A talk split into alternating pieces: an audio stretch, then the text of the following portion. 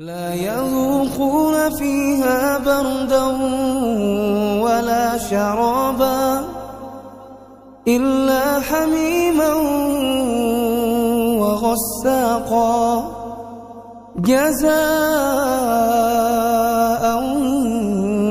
وفاقا إنهم كانوا لا يرجون حسابا وكذبوا بآياتنا كذابا Tanpa berpanjang kata, uh, Ana persilahkan Ustadz Muhammad Nur Ihsan untuk menyampaikan tausiahnya. Kepada Ustadz.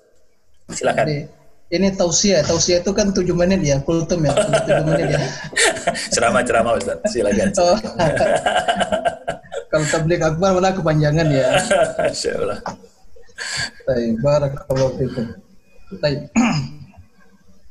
Piana pastikan dulu suaranya bisa didengar dengan jelas, semua bisa mendengar insya Allah. Jelas, ya. ya. Baik, Bismillah. Nah.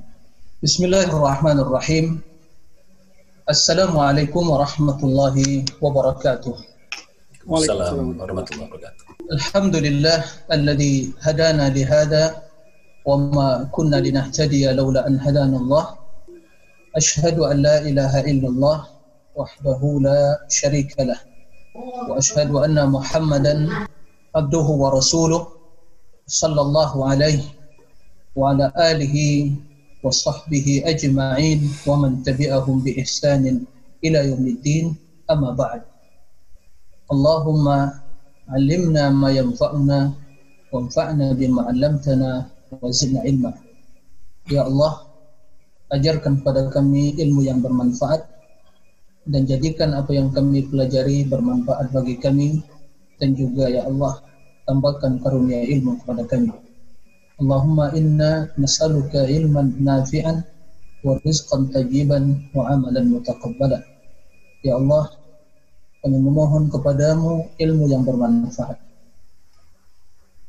Ilman nafi'an wa rizqan tajiban dan rezeki yang tayyib yang halal wa amalan mutaqabbala dan amalan yang diterima. Allahumma amin. Alhamdulillah pada kesempatan malam yang penuh berkah ini ia media yang luar biasa dimudahkan oleh Allah Subhanahu wa taala kendati kita berjauhan akan tetapi terasa dekat terlebih lagi bila batin dan ruh kita terasa semakin menyatu ya di bawah naungan syariat Rasulullah dan juga di atas jalan ilmu. Ini yang membuat ya, batin ini semakin merasakan kenikmatan yang tidak bisa diungkapkan dan juga ini pula yang menjadikan kita merasakan kelezatan hidup nikmat yang paling bahagia nikmat yang paling mulia tatkala kita bersua dalam forum ilmu dalam kajian ilmu yang menjadi jalan utama untuk menuju surga.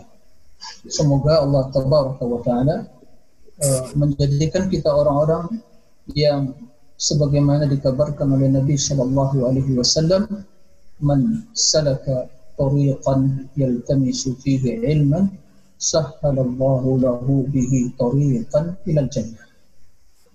Barang siapa yang meniti suatu jalan dia menuntut ilmu mencari ilmu di dalam jalan tersebut maka Allah Subhanahu wa taala akan memudahkan bagi dia jalan menuju surga.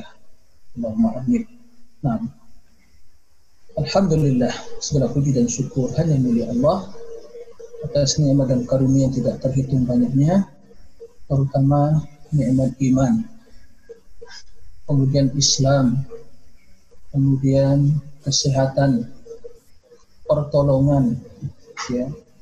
Serta keselamatan. Alhamdulillah kita semua sampai detik ini dalam kondisi ya pandemi COVID-19 ya 19 ini. Kita alhamdulillah ya semoga juga semua para dokter dan juga saya tadi mendengar ada yang profesor ada masya Allah luar biasa ini dan ini merupakan kebaikan bagi kita semua untuk kita saling ya berbagi kebaikan. Ya, barakallahu. Salawat dan salam untuk Nabi yang mulia Nabi Muhammad sallallahu alaihi wasallam. Allahumma salli ala Muhammadin wa ala ali Muhammad. Ya, para uh, dokter dan juga ya, mungkin keluarga yang juga mendengar ya. Mungkin keluarganya juga ikut mendengar ya.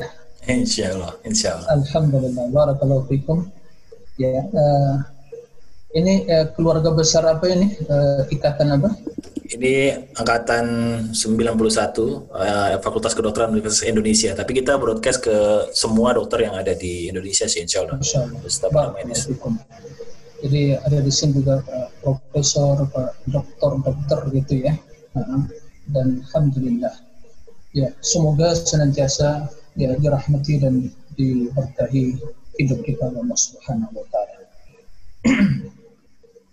uh, dalam kesempatan ini izinkan saya menyampaikan terlebih dahulu ya rasa terima kasih kepada mungkin sebagai koordinator ya atau hostnya ya pada kesempatan kali ini dalam rangka kalau boleh ilmi via Zoom ya dan kita bisa juga bermuajah tatap muka tapi uh, fisik berjauhan tapi hati terasa dekat.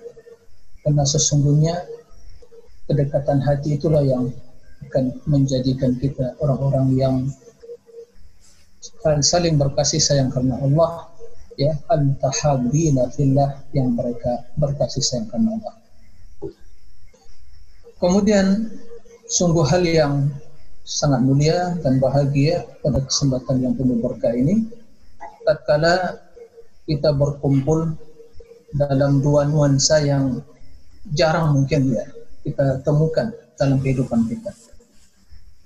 Pertama, nuansa ilmu dan juga nuansa ya uh, saya mungkin katakan ya antara nuansa rohani kita dengan nuansa jasmani kita. Anda meyakini bahwa uh, para ikhwah atau mungkin juga orang tua saya di sini mungkin ya para profesor dan yang lain yang hadir pada kesempatan kali ini yang ahli dalam bidang mereka masing-masing. Ya, tentu ini adalah uh, suatu kemuliaan tatkala Allah Subhanahu wa taala memberikan kepada kita nikmat bagaimana bisa memberikan kebaikan pada sesama manusia. Terutama lagi mungkin sama kaum muslimin. Karena kita ini ya tercipta dari dua unsur. Ada unsur uh, jasmani, ada rohani. Dan jasmani tentunya ini antum sekalian ya, para dokter semua, bapak-bapak saya, saudara-saudara saya, teman-teman saya pada kesempatan kali ini, yang tentu ahlinya. Ya, bagaimana bisa memberikan yang terbaik ya kepada manusia ya apa yang menjadi solusi atau mungkin resep untuk penyembuhan atau untuk kesehatan mereka secara fisik.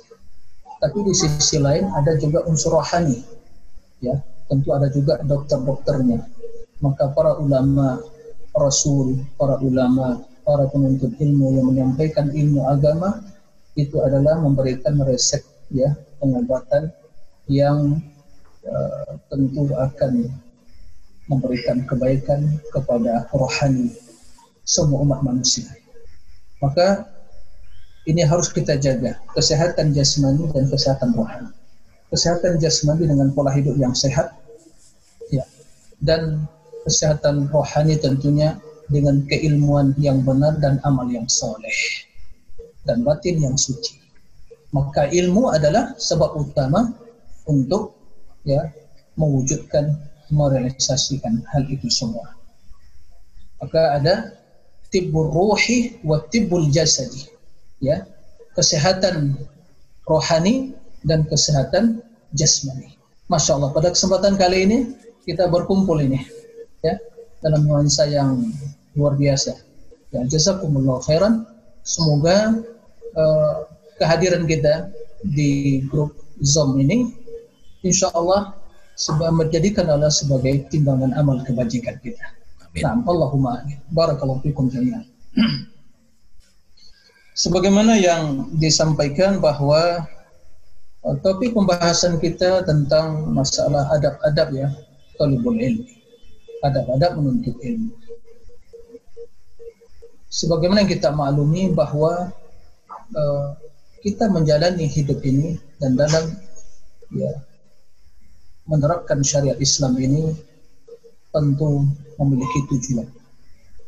Tujuan kita adalah ingin sampai kepada ridho Allah Taala. Tujuan kita ingin sampai kepada surga sebagaimana yang dijelaskan Nabi Shallallahu Alaihi Wasallam. Nah, jalan yang paling atau jalan yang lurus, jalan yang sangat singkat untuk sampai ke surga itu adalah jalan ilmu. Karena jalannya lurus. Sebagaimana kata Nabi Shallallahu Alaihi Wasallam, bahwa man salaka tariqan yaltamisu fihi ilman sahalallahu lahu bi tariqan ila jannah. Barang siapa yang menempuh suatu jalan dia menuntut ilmu di jalan tersebut maka Allah akan memudahkan jalan baginya untuk menuju surga. Ini jalan surga. Ya. Jalan menuju surga. Dan di surga ada seluruh kenikmatan yang tidak bisa dibayangkan. Di surga seluruh ya kemuliaan, kebahagiaan yang hakiki, yang abadi. Nah, perjalanan di dunia ini yang masing-masing sesuai dengan profesi dan juga keahliannya itu semua adalah hal-hal yang merupakan nikmat di dunia tapi sesungguhnya itu bukan tujuan utama itu semua adalah wasilah dan sarana untuk mencari ridha Allah tabaraka wa taala dan faktor utama sebab yang paling mulia untuk merealisasikan ya kebahagiaan dan kemuliaan kebaikan dunia dan akhir adalah ilmu. Nabi Shallallahu Alaihi Wasallam bersabda, "Mayuridillahu bi khairan yufaqihu fid din." Mayuridillahu bi khairan yufaqihu fid din. Ini hadis sering kita dengar, bahkan kita juga menghafal hadis tersebut. Ya, barang siapa yang Allah hendaki kebaikan baginya, maka Allah yufaqihu fid din. Yufaqihu fid din Allah akan ya menjadikan dia orang yang paham terhadap agamanya. Di sini ya, banyak manfaat dan faedah dari hadis ini. Di antaranya bahwa ilmu itu adalah sumber kebaikan. Kemudian ilmu itu adalah tanda bahwa Allah itu menghendaki kebaikan bagi seorang hamba. Yang ketiga, ilmu adalah sumber seluruh kebaikan dan dengan ilmu atau ilmu adalah jalan menuju surga. Karena surga tersebut diraih dengan kebaikan. Surga dengan kebaikan.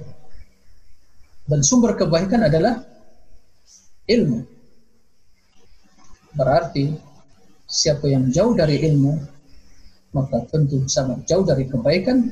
Barang siapa yang jauh dari kebaikan sungguh jalan menuju surga sangat sulit bagi dia panjang berliku-liku mungkin dia nggak sampai ke tujuan karena banyak ya uh, rintangan hambatan banyak ya jurang banyak mungkin ranjau di hadapan dia.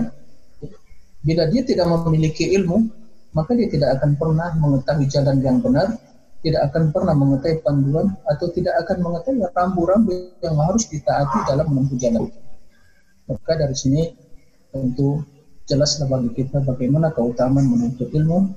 Dan topik kita pada kesempatan kali ini bukan keutamaan menuntut ilmu tapi adab-adab. Ilmu itu sangat luas. Ya seperti ya samudra ya. dan ya yang tidak akan mungkin seorang menguasainya secara keseluruhan. Jangankan ilmu agama ilmu dunia saja. Dalam mungkin profesi para dokter semua, profesor dokter yang lainnya di bidang yang mungkin keahlian spesialisasi masing-masing ya dalam dunia medis mengetahui bagaimana luasnya. ya satu permasalahan satu dia spesialis ya kemudian bisa dikembangkan lagi nah, dan ilmu agama tentu lebih luas dari itu ilmu agama tentu lebih luas dari itu karena sesungguhnya ilmu agama bersumberkan ilmu yang diwahyukan oleh Allah kepada Rasulnya dan ilmu Allah adalah ilmu yang tiada batasnya sangat luas. Oleh karena itu kata Allah Subhanahu wa taala wa ma utitum minal ilmi illa qalila. Nah, tidaklah kalian diberikan dikaruniakan ilmu kiranya sedikit. Nah, maka tidak akan mungkin seorang menguasai semua disiplin ini. Oleh karena itu, kita perlu mengetahui panduan, tuntunan, ya, yang menjadi pedoman kita di dalam menuntut ilmu agama ini. Tentu semua hadis-hadis atau ayat-ayat Al-Quran dan hadis-hadis Nabi Shallallahu Alaihi Wasallam yang menjelaskan tentang keutamaan ilmu tadi adalah yang dimaksud adalah ilmu syar'i. Ilmu syar'i yang disyaratkan ya untuk mendapatkan ilmu tersebut atau kemuliaan tersebut atau pahala yang dijanjikan oleh Allah dan Rasulnya adalah keikhlasan. Niat. Adapun ilmu umum, ilmu duniawi itu tidak disyaratkan ikhlas. Karena orientasinya beda, dunia. Akan tetapi, bila seseorang kendati dia profesinya atau spesialisasinya ilmu dunia, tapi dia ikhlaskan niatnya untuk memberikan kebaikan bagi sesama umat manusia atau kaum muslimin atau orang-orang yang membutuhkan maka niat tersebut yang akan menjadi pahala di sisi Allah taala maka itu menjadi bagian dari kebaikan dia. Ya, seperti juga makan dan minum. Makan dan minum nggak wajib. Ya, tidur pun nggak wajib. Ya, tapi kalau dia niatkan ya makan dan minumnya untuk ya sehat ya sehingga memiliki energi yang kuat bisa beribadah secara maksimal kepada Allah maka makan dan minumnya menjadi ibadah. Begitu juga tidur. Kalau dia tidur ya jam 9 dia telah tidur. Dengan niat nanti dia jam 3 bangun. Ya untuk apa? Untuk qiyamul lain maka tidur tersebut akan menjadi ibadah. Karena niatnya untuk bisa bangun. Tapi kalau tidur dikenakan letih capek kan gitu sudah tertidur. Maka niat tidurnya tidak nilai ibadah. Letihnya ya hilang setelah dia bangun hilang letihnya capeknya tapi nilai ibadahnya tidak ada. Karena hal yang mubah. Nah Baik, para ikhwas sekalian, para dokter juga profesor yang hadir ya pada kesempatan kali ini dan bergabung dalam episode ini. Dan para ikhwas sekalian, para pelaku jamian. Nah, untuk bisa mendapatkan ilmu tersebut karena ilmu itu tiada batasnya, ya, maka para ulama telah menyebutkan atau telah menjelaskan panduan ya, panduan bagaimana uh, atau mungkin uh, bisa dikatakan sebagai adab itu mungkin istilah para ulama ya adab tolibul ilmi. Dan dengan mengikuti adab-adab tersebut maka ilmu yang ingin kita dapatkan tersebut lebih mudah untuk didapatkan. Karena itu jalannya tapi barang siapa yang tidak mengikuti panduan tersebut atau tidak memiliki adab-adab dalam menuntut ilmu tersebut, maka waktunya habis tapi ilmu tidak didapatkan putih hanya sedikit. Bahkan mungkin sama sekali habis waktunya, umurnya, tapi ternyata dia tidak paham-paham terhadap ilmu, nggak bisa menguasai ilmu. Karena dia tidak menempuh jalannya. Ya, jalan untuk mendapatkan ilmu tidak dia tempuh. Maka di sini uh, sangat ya urgent sekali dalam menuntut ilmu kita mengetahui adab-adab yang harus dipahami kemudian diamalkan uh, dalam keseharian kita dalam rangka menuntut. Nah, para ulama menyebutkan bahwa banyak sekali adab-adab tersebut. Ada adab-adab yang berkaitan pertama kepada Allah Taala adab yang berkaitan kepada Allah Taala. Ada adab-adab yang berkaitan dengan ilmu itu sendiri. Ada adab yang berkaitan dengan penuntut ilmu. Ya. Ada adab yang berkaitan dengan ya guru. Ada adab yang berkaitan juga dengan ya sumber ilmu, referensi ilmu itu kitab-kitab yang dipelajari. Ini semua dibahas oleh para ulama. Ya, banyak sekali kitab yang membahas hal ini. Ya, banyak sekali. Ya, karya tulis para ulama yang membahas tentang adab-adab menuntut ilmu itu luar biasa. Bahkan dahulunya para ulama generasi terbaik umat ini itu di dalam menuntut ilmu ini mereka lebih mendahulukan ya mempelajari tentang adab-adab ya di dalam belajar. Sehingga dahulu mereka katakan ya nahnu ila kathirin o nahnu ila qalilin minal adabi ahwaju ila kathirin minal ilmi. Itu dahulu mereka mengatakan nahnu ya kita ya kepada sedikit adab ya lebih butuh kepada banyaknya ilmu. Artinya kita memiliki adab yang sedikit itu lebih utama. Sangat kita butuhkan ya daripada ilmu yang begitu banyak tapi tanpa dibaringi dengan ilmu atau tidak dilandasi dengan adab. Nah, oleh karena itu ya barang siapa yang mengetahui adab-adab tersebut kemudian dia terapkan di dalam menuntut ilmu, maka dia termasuk kepada orang-orang yang mengagungkan ilmu, orang-orang yang memuliakan ilmu. Dan barang siapa yang memuliakan ilmu, maka sungguh ilmu akan memuliakan dia. Jadi ungkapan sebagian para ulama, ya, man lam yuk man lam yukrimil ilma la yukrimuhu Barang siapa yang tidak memuliakan ilmu, mengagungkan ilmu, ilmu agama maksudnya, maka ilmu tidak akan memuliakan dia.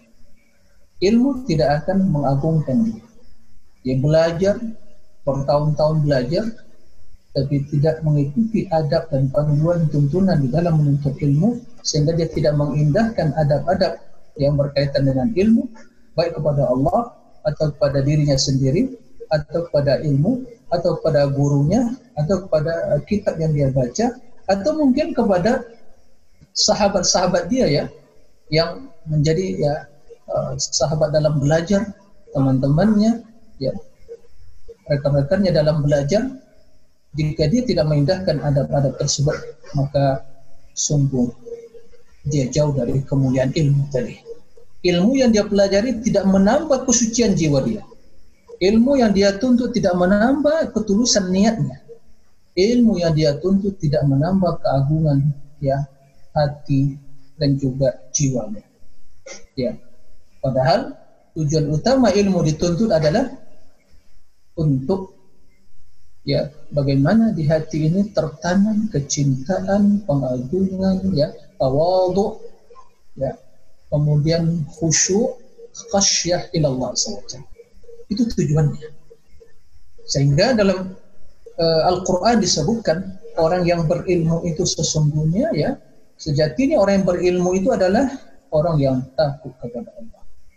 Innama yakhshallah min ibadihil ulama. Innama yakhshallah min ibadihil ulama. Ya sejatinya ya orang yang takut kepada Allah itu adalah para ulama. Karena ilmu dipelajari ilmu yang melahirkan sifat takut ya sifat khasyah sifat tawadhu ya sifat pengagungan dan kecintaan kepada Allah tabaraka wa taala. Baik. Jadi mari kita sama-sama mengagungkan ilmu. Nah, untuk mengagungkan ilmu tersebut tentunya ada adab-adab yang harus diperhatikan ya. Uh, uh, mungkin kalau bahasa etika kurang tepat memang adab adab, adab dan menuntut ilmu. Jadi itu sebagai panduan kita dalam menuntut ilmu. Yang pertama, ya, yang pertama atau lebih konsentrasi dalam, dalam pembahasan adab ini. Yang pertama yang perlu diperhatikan ini berkaitan pada diri kita terlebih dahulu karena kita akan belajar. Kata para ulama, hendaknya yang pertama sekali yang kita lakukan adalah kita harus mempersiapkan diri dan batin kita untuk ilmu ya hati kita terlebih dahulu harus ya dipersiapkan yaitu dengan membersihkan hati dan jiwa dari berbagai noda-noda dosa dan maksiat. Ini yang pertama. Kenapa demikian? Ya. Karena ilmu itu adalah nurun, cahaya. Ya. Dari Allah. Dan tempat ilmu tersebut ya itu adalah hati. Nah, bila hati hati yang kotor, hati yang ternodai, hati yang berlumuran dengan maksiat dan dosa, maka ilmu itu sulit. Cahaya tadi sulit untuk masuk ke dalam ilmu. Uh, cahaya tadi atau ilmu tadi sulit untuk masuk ke dalam hati. Nah, karena tidak cocok ya, dengan kemudian ilmu tadi, tidak sesuai dengan keagungan ilmu tadi. Ya. Ilmu adalah suatu yang mulia, suatu yang suci, yang mulia, maka tempatnya juga harus yang mulia, yang suci, yang bersih, yang agung. Maka pertama sekali yang harus kita lakukan kita introspeksi diri. Introspeksi diri kita. Ya. Kita bersihkan diri. Kita uh, tinggalkan perbuatan-perbuatan maksiat dan dosa karena itu yang akan mengotori, itu yang akan menudai hati kita. Oleh karena itu dahulu sebagian para ulama ya uh, mengatakan bahwa uh, atau sebelum ya, perkataan para ulama tadi saya sampaikan, apa saja yang harus kita perhatikan ya, untuk menjaga ketulusan dan kebersihan hati tadi? Yang pertama kata mereka kita membersihkan hati dari hal-hal yang syubuhat. Nah, syubuhat ini yang pertama. Karena ini adalah penyakit ya, fitnah syubuhat. Itu yang pertama. Yang kedua adalah ya moda maksiat yaitu najasatu asyahwat. Jadi dua ini yang pertama adalah syubhat, yang kedua adalah maksiat. Nah, syubhat itu sesungguhnya lebih ya merusak pemikiran, tapi pemikiran rusak akan mempengaruhi hati. Nah, kemudian syahwat berkaitan dengan dia akan merusak batin. Ya, dosa maksiat akan menodai. Nah, bila hati kotor, ya, bila jiwa kotor, maka sulit ilmu untuk, untuk masuk ke dalam hati tersebut.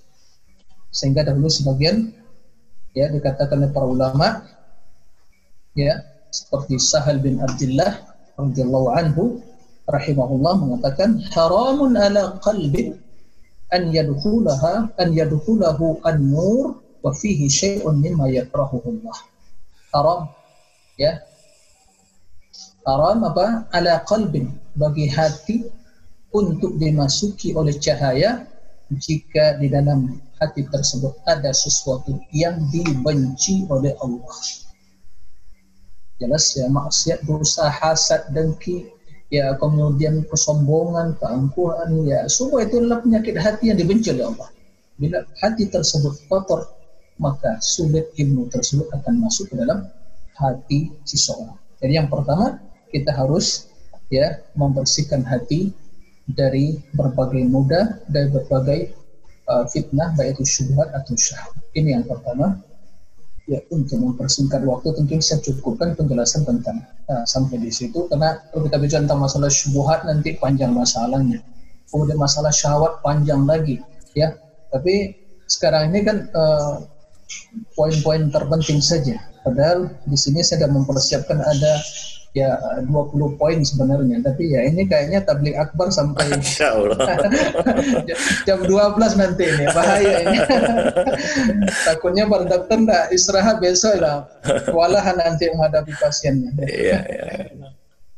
Anak berusaha menyingkat ya, mempersingkat apanya, pembahasan dan juga poin-poin yang mungkin yang terpenting pada kesempatan kali ini. Ini yang pertama masalah kita harus berusaha membersihkan hati dan jiwa kita.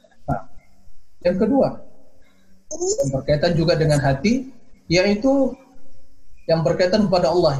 Tapi uh, berkaitan dengan hati dan itu hubungan kita kepada Allah. Masalah keikhlasan niat dalam menuntut ilmu. Ini adab yang harus kita perhatikan. Masalah keikhlasan niat. Sering kita mendengar kalimat ikhlas.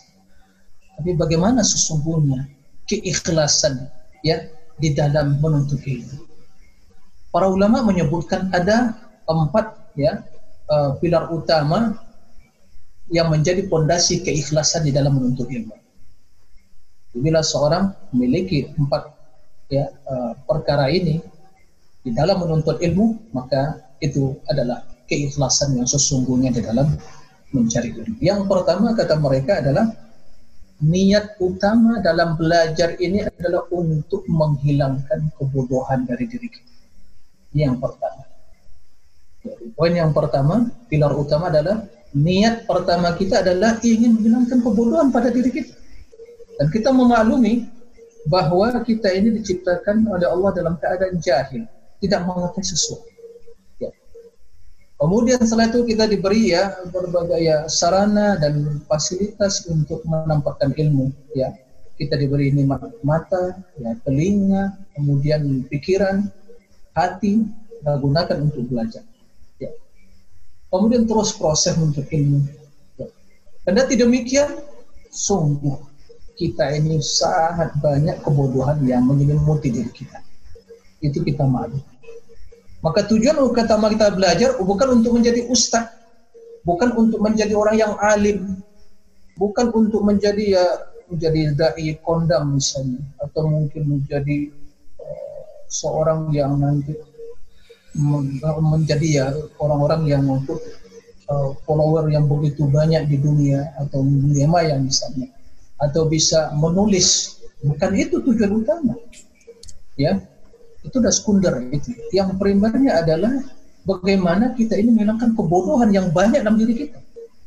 Yang pertama. Nah kita ingin menyelamatkan diri terlebih dahulu. Ini yang pertama niat utama kita.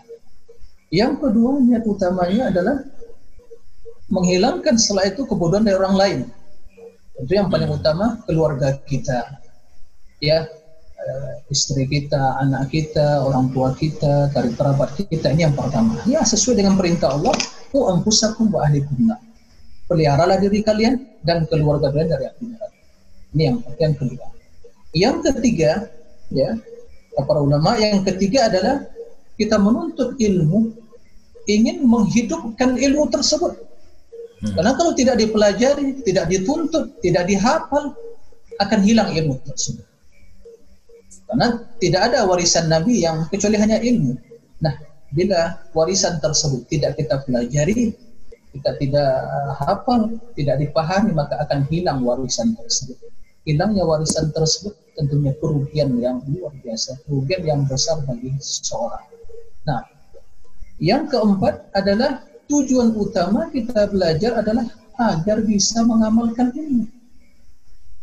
Jadi empat yang saya ulangi, yang pertama adalah belajar untuk menghilangkan kebodohan pada diri kita. Yang kedua, setelah. Yang pertama tadi, itu menghilangkan kebodohan dari diri orang lain. Yang paling utama keluarga kita, istri kita, atau mungkin istri, atau suaminya, anaknya, orang tuanya, adiknya, kakaknya, ya karib kerabatnya. Dia berusaha menyampaikan ilmu dan pelajari tadi. Yang ketiga untuk menghidupkan warisan Nabi ini.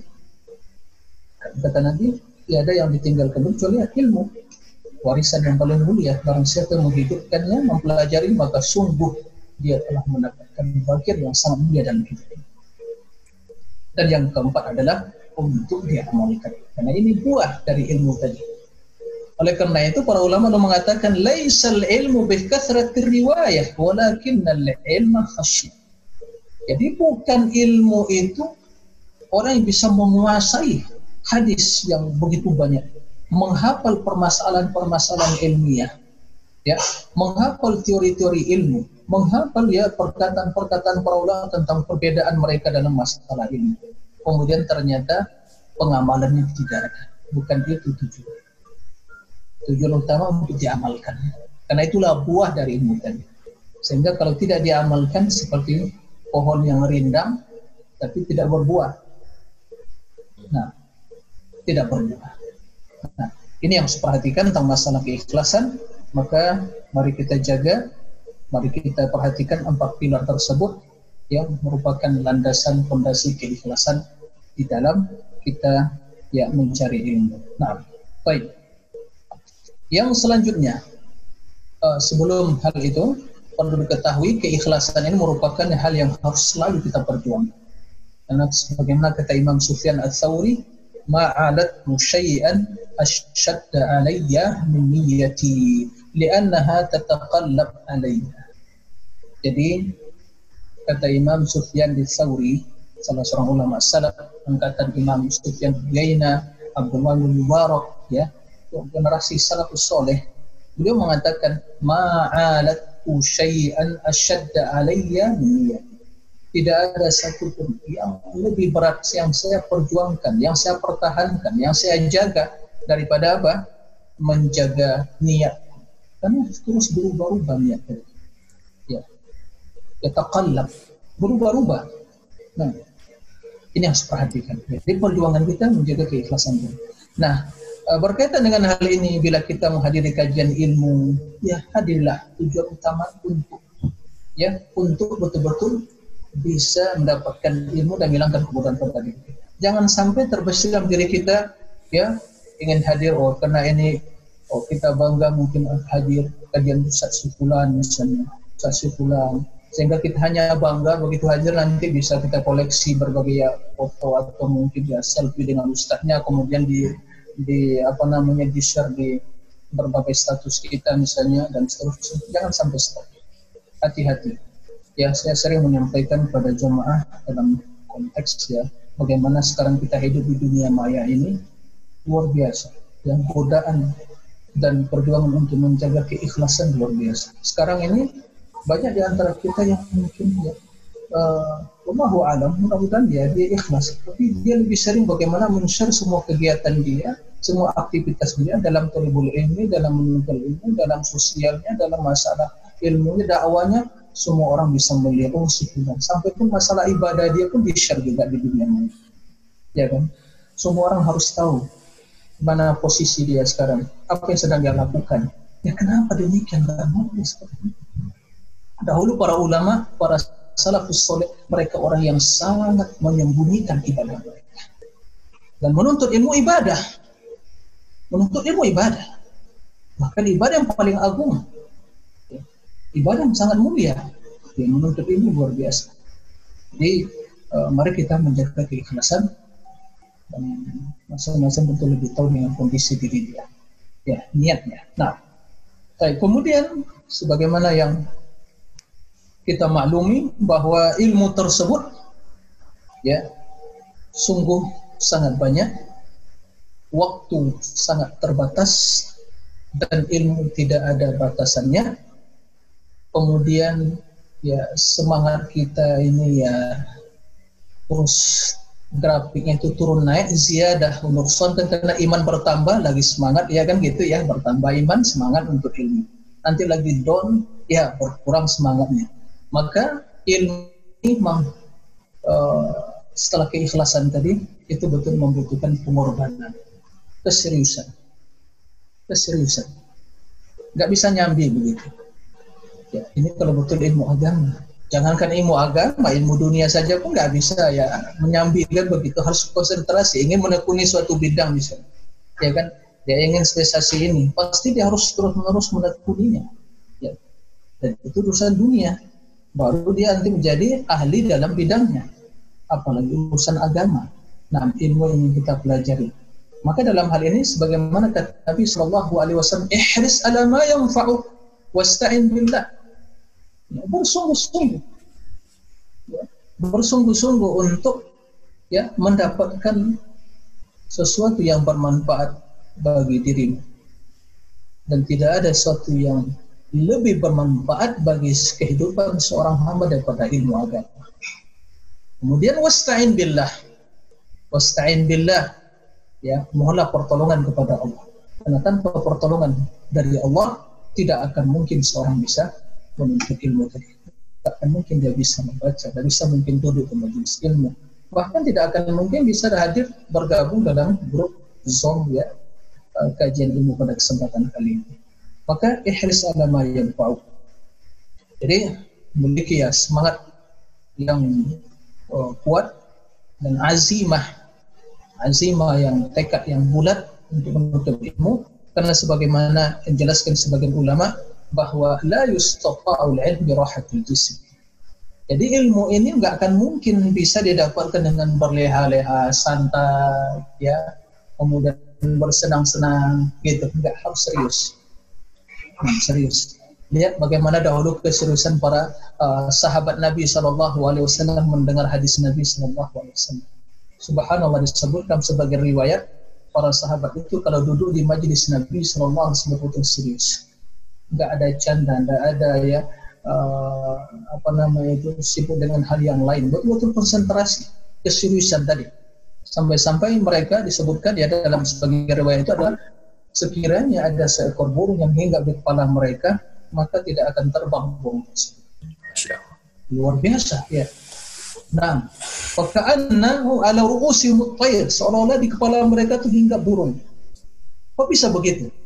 Dan begitu mereka betul-betul besar. Karena yang didengar ada hadis Nabi SAW. Yang didengar Al-Quran. Nah, itu yang kita pelajari setiap hari. Allah wa qala Rasul. Maka di antara ada keseriusan kita dalam menuntut ilmu, mendengar apa yang disampaikan, ya, uh, juga uh, mungkin menulis poin-poin penting yang harus dicatat karena memori kita ada banyak kemasukan virus kan begitu ya, terinfeksi virus ya. Yeah. Bukan corona, sebelum corona ini banyak virus yang menghantui kan begitu ya. Yeah. Nah, jadi ada banyak yang rusak, memori-memorinya ada banyak yang rusak. Jadi maka ada hafalannya ada lemah gitu ya. Jadi perjuangan untuk membersihkan virus-virus yang ada. Dan mudah-mudahan dengan ilmu seperti ini ya virus-virus tersebut akan ya, teratasi. Nah, jadi keseriusan di dalam menuntut ilmu tadi. Nah, kemudian adalah konsentrasi dan keseriusan tadi itu difokuskan ya, difokuskan dalam menuntut dua ilmu yang merupakan sumber seluruh ilmu Islam tadi. Apa itu? Ilmu Al-Quran, ilmu Sunnah. Demi Allah, demi Allah para ikhwas sekalian, para profesor, dokter dan juga ya para ikhwas sekalian, demi Allah. Inilah ilmu yang akan ya bermanfaat Adapun perkataan manusia, teori mereka, pendapat mereka, sibuk kita hanya mengikuti pendapat manusia. Sementara kita tidak menggali ilmu Al-Quran dan Sunnah, maka semakin belajar bukan semakin dekat kepada Allah. Bahkan sering kali seorang terkadang kalau menyibukkan untuk mengikuti pendapat sipulan, pendapat sipulan, ya, pemikiran-pemikiran sipulan, pemikiran teori sipulan dan yang lainnya, teori ahli ini, eh, pakar ini, kemudian dan seterusnya, ilmuwan ini dan seterusnya, dia bingung sendiri. Ya. Habis umurnya, habis waktunya, tapi ilmu yang sesungguhnya, ya, qala Allah wa qala Rasul itu, dia sangat jauh dari ilmu Dan ilmu sangat luas. Kemudian waktu terbatas. Dan kemampuan juga terbatas. Kenapa kita habiskan waktu untuk hal-hal yang tidak bermanfaat? maka fokus kita dalam konsentrasi mempelajari ilmu agama, ilmu qala Allah wa qala Rasul. Tentunya dengan uh, profesi kita masing-masing ya, uh, apa namanya itu keahlian kita masing-masing yang semua para dokter semua tentunya yang tidak meninggalkan ya aktivitas dan profesi masing-masing tapi tentunya juga tidak meninggalkan kewajiban kita sebagai hamba Allah untuk beribadah kepadanya membekali diri dengan ilmu agama yang akan menjadi modal atau ya bekal kita menuju Allah Taala. Jadi ini harus perhatikan. Nah, oleh karena itu uh, harus kita memahami hakikat permasalahan yang sesungguhnya. Kalau kita melihat mungkin kita terkesima dan tertipu atau mungkin persepsi kita orang yang pandai bicara banyak omongannya itulah yang banyak ilmunya mungkin kita seperti itu sebagian tapi sesungguhnya bukanlah orang yang pandai bicara, banyak omongannya itu yang berilmu. Jadi standar keilmuan dalam Islam bukan pandainya berbicara. Bukan banyaknya masalah yang dia hafal. Tapi sesungguhnya adalah sejauh mana keilmuan yang dia pelajari sesuai dengan apa yang dikehendaki oleh Allah dan Rasulnya. Kalau kita bandingkan, sebagaimana kita Imam Ibnu Rajab dan yang lainnya, kalau kita perhatikan, mana yang lebih banyak perkataan para ulama salaf atau perkataan orang mutaakhirin yang belakangan datang setelah mereka. Perkataan Nabi itu singkat padat, syarat dengan ilmu dan makna. Itulah yang dinamakan dengan jawami'ul kalim. Jawami'ul kalim itu kalimat yang singkat, syarat dan padat dengan makna. Itu jawami'ul kalim. Begitu juga perkataan sahabat.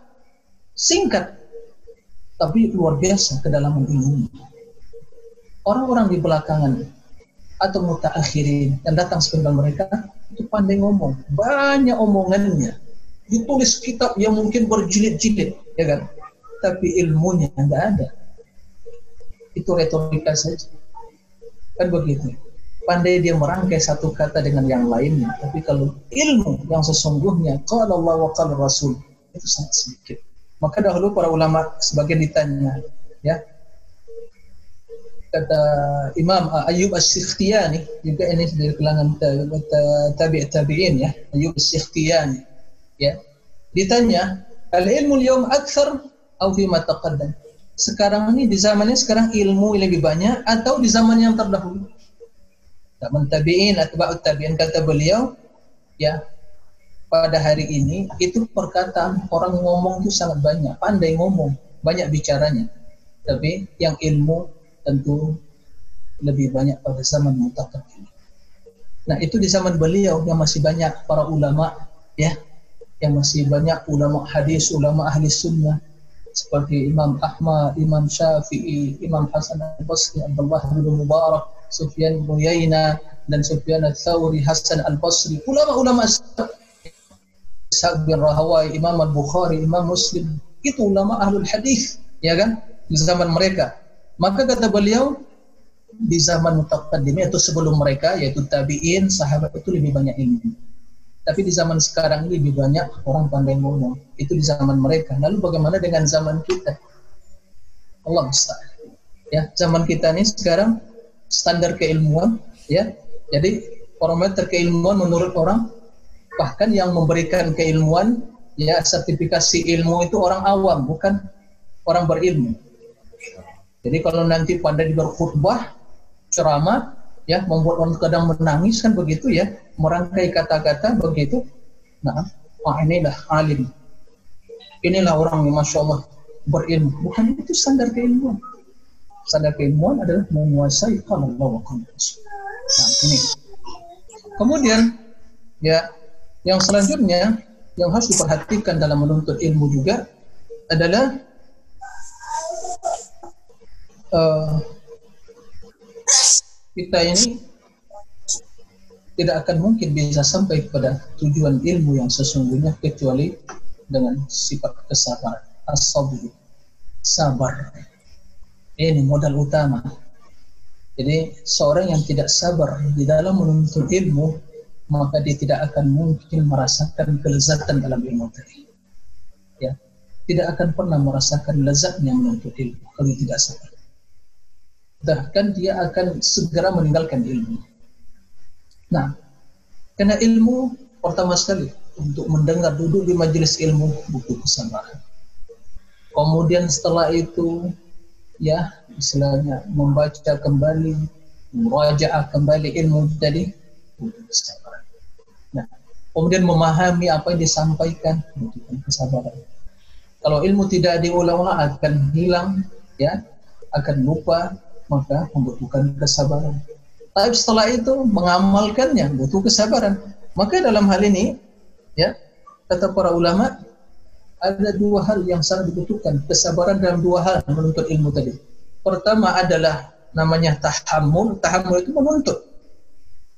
Belajarnya sekarang seperti sekarang ini kita mendengar, ya kita konsentrasi. Sementara kita mungkin ya tinggalkan kegiatan yang lain, ya mungkin masing-masing ya pasti banyak kesibukan apalagi para dokter mungkin pasien mungkin ada yang telepon kan begitu ya. Bisa jadi seperti itu. Nah tapi dia tinggalkan sejenak. Kenapa? Saya ingin duduk dulu dalam majelis ilmu mendengar dulu ya itu kesabaran. Baik ini namanya tahammul waktu mencari menggali mengumpulkan tahammul. Nanti juga butuh kesabaran untuk menyampaikan Jadi kesabaran adalah modal utama. Ya, karena perjalanan e, menuntut ilmu ini tidak semudah yang dibayangkan. Nah, kita butuh kesungguhan. Sebagian lalu para ulama mengatakan kalau ilmu ini kita berikan untuk ilmu 100% untuk ilmu itu ilmu akan memberikan 50%. Nah, kalau separuh 50% untuk ilmu, kira-kira berapa yang diberikan ilmu kepada kita? Blasya ya kan? ya, kalau 100% ilmu dapat 50%, ya kalau kesungguhan kesabarannya 50%, lalu ilmunya berapa kan kita yeah, dapatkan? Yeah, yeah, yeah. Nah, jadi begitu para ulama dalam menyampaikan as-sabr. uh, dahulu dikatakan oleh sebagian ulama la yustata'u al-ilm bi rahatil jism. Nah, jadi butuh kesabaran.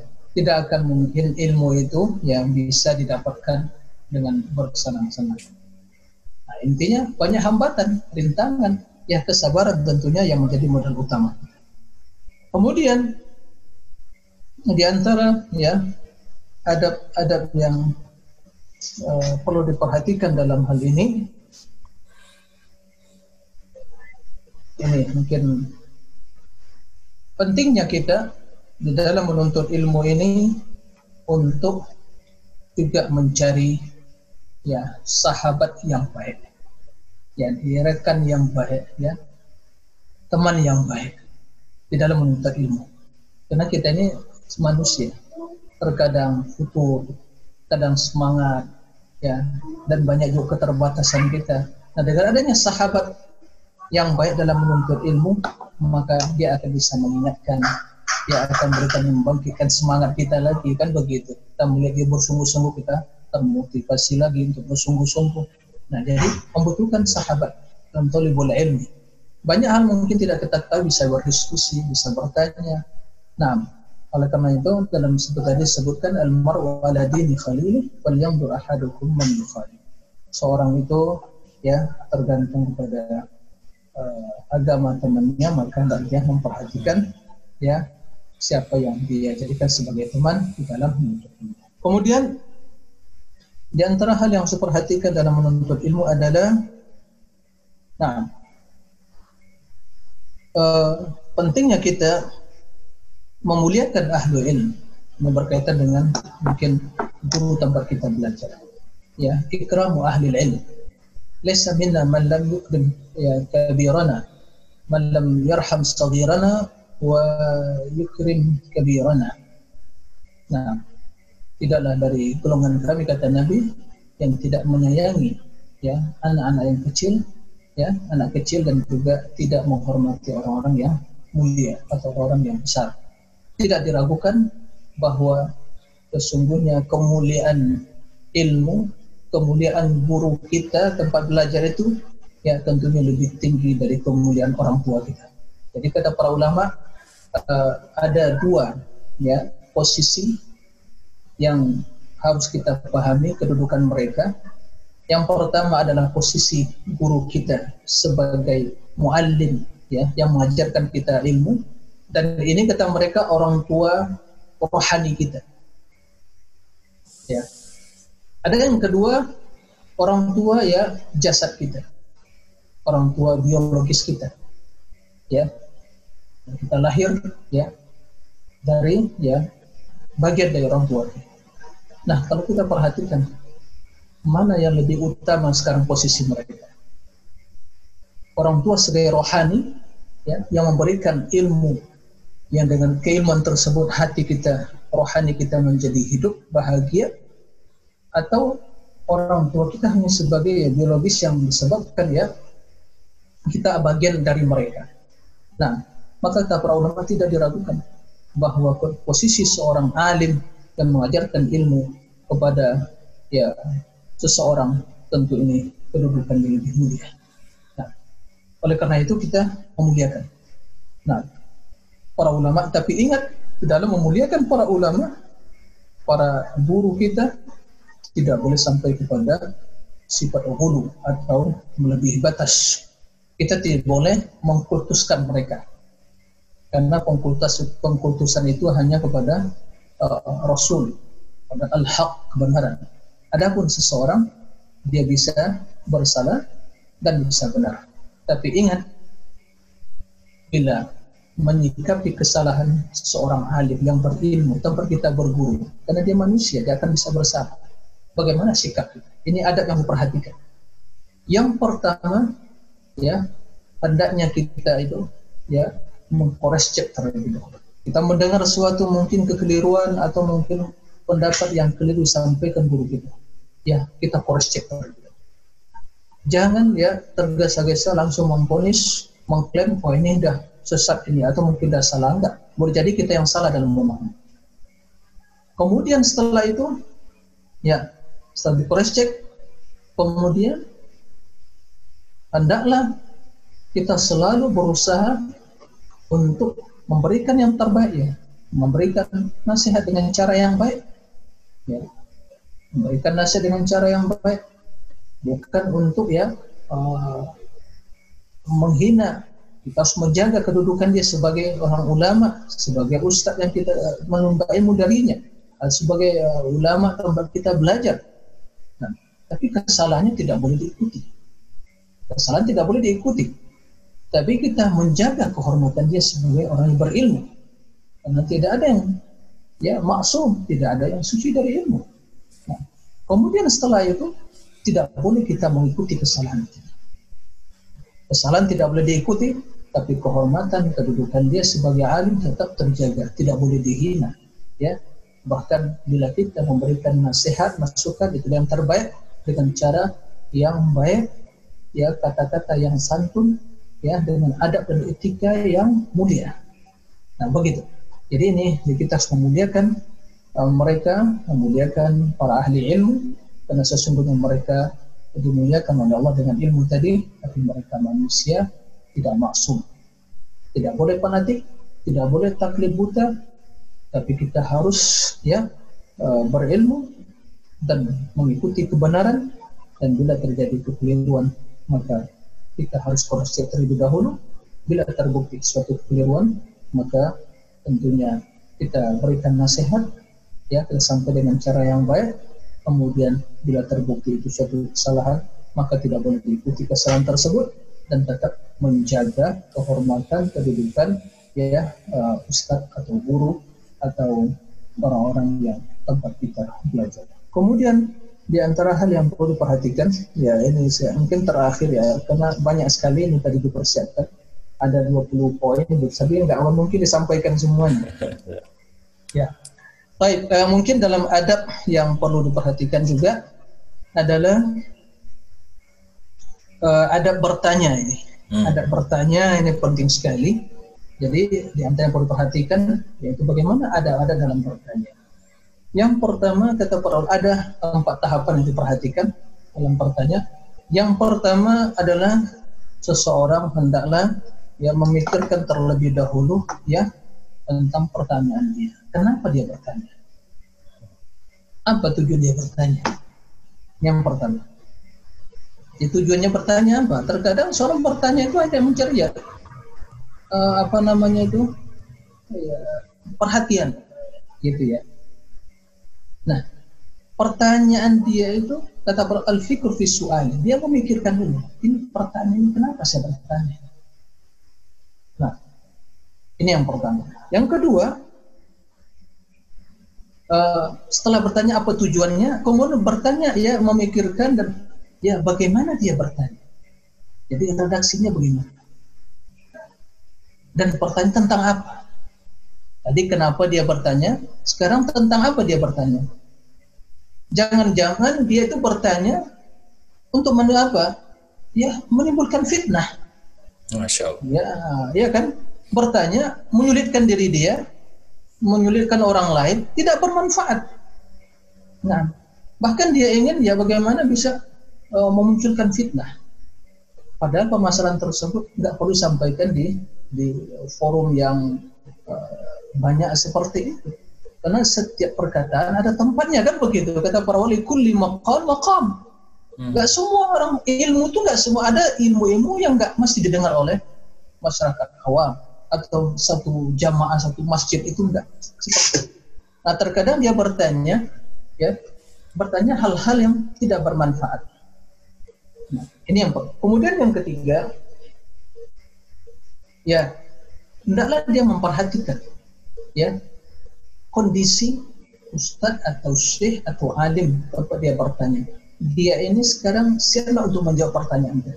Jangan-jangan dia belum tidak konsentrasi atau mungkin sedang menghadapi sesuatu yang tidak bisa membuat dia konsentrasi menjawab. Terkadang sebagian murid atau mungkin mahasiswa atau mahasiswi Allah semangat sungguh-sungguh bertanya. Tapi dia nggak memperhatikan kondisi ustadznya kondisi mungkin alim ulama atau mungkin tempat dia atau buyanya atau pak yainya dan seterusnya ya. Dan mungkin tidak siap untuk menjawab. Maka hendaknya kita perhatikan hal itu. Termasuk ada waktu perhatikan dalam bertanya kemudian enam.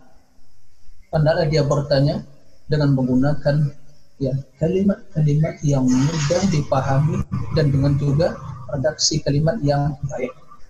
Jangan sampai ketika dia bertanya itu ingin ya merendahkan, ingin ingin memuji. Nah, dia ingin memuji ini. Ini ustadz ini paham nggak ini? Jadi sekarang dia ingin menguji dan ingin mengetahui bagaimana ya kapasitas ustadznya. Nah, ini kalau ya seperti ini, ini jelas keluar dari adab dalam bertanya tadi. Maka sulit ilmu tadi untuk didapat. Baik. Kemudian oh, yang terakhir sesudah yang terakhir Baik, barakallahu fikum. Ya. Nah, di antara adab yang perlu diperhatikan tentunya masalah waktu, hifdzul waktu, menjaga waktu. Ya, bahwa sesungguhnya waktu adalah umur kita dan tidaklah ya sampai para ulama pada derajat dan kedudukan ilmu yang mereka raih di dunia ini kecuali dengan memanfaatkan waktu sebaik Kenapa bisa mereka menulis sekian banyak ya uh, puluhan buku atau mungkin ratusan atau ribuan lembar misalkan menulis? Kenapa mereka bisa melahirkan karya-karya ini ya? Kenapa mereka dengan waktu yang singkat bisa yang mendapatkan begitu banyak ilmu? Karena waktu. Maka manfaatkan waktu sebaik mungkin. Karena sebagaimana yang kita maklumi, waktu adalah sesuatu yang paling berharga dalam hidup ini. Ya, apabila waktu telah disia-siakan, maka tentu akan jauh kebaikan dari seseorang dan dia akan lebih dekat terjerumus ke dalam perbuatan yang sia-sia tidak bermanfaat. Nah, Kemudian di samping itu juga hendaknya kita selalu berusaha untuk menanamkan dalam diri kita bagaimana diri ini merasakan lezatnya ilmu. Jadi lezatnya ilmu. Kalau sudah merasakan lezatnya ilmu, sudah semua akan ya terasa ringan. Bagaimana cara mendatangkan kelezatan ilmu dalam hati kita? Pertama, ya harus bersungguh-sungguh, badul juhdi wal wus'i kata para ulama. Jadi kalau dahulu para ulama mereka merasakan kenikmatan, kelezatan ilmu dia dalam belajar, bercapek-capek dalam menuntut ilmu. Di situ mereka merasakan kelezatannya. Karena seseorang apabila menekuni profesi dia masing-masing, dia akan merasakan lezatnya, ada bagian dari hidupnya. Dia betul merasakan lezat. Rasa hati itu gersang, pikiran itu enggak enak gitu kalau dia enggak belajar, enggak membaca, enggak menghafal, enggak hidup bersama ilmu. Nah, ini yang pertama. Kemudian sedekut tolak, betul-betul jujur dalam mencari. Betul-betul jujur dia mencari ilmu. Nah, sedekut tolak.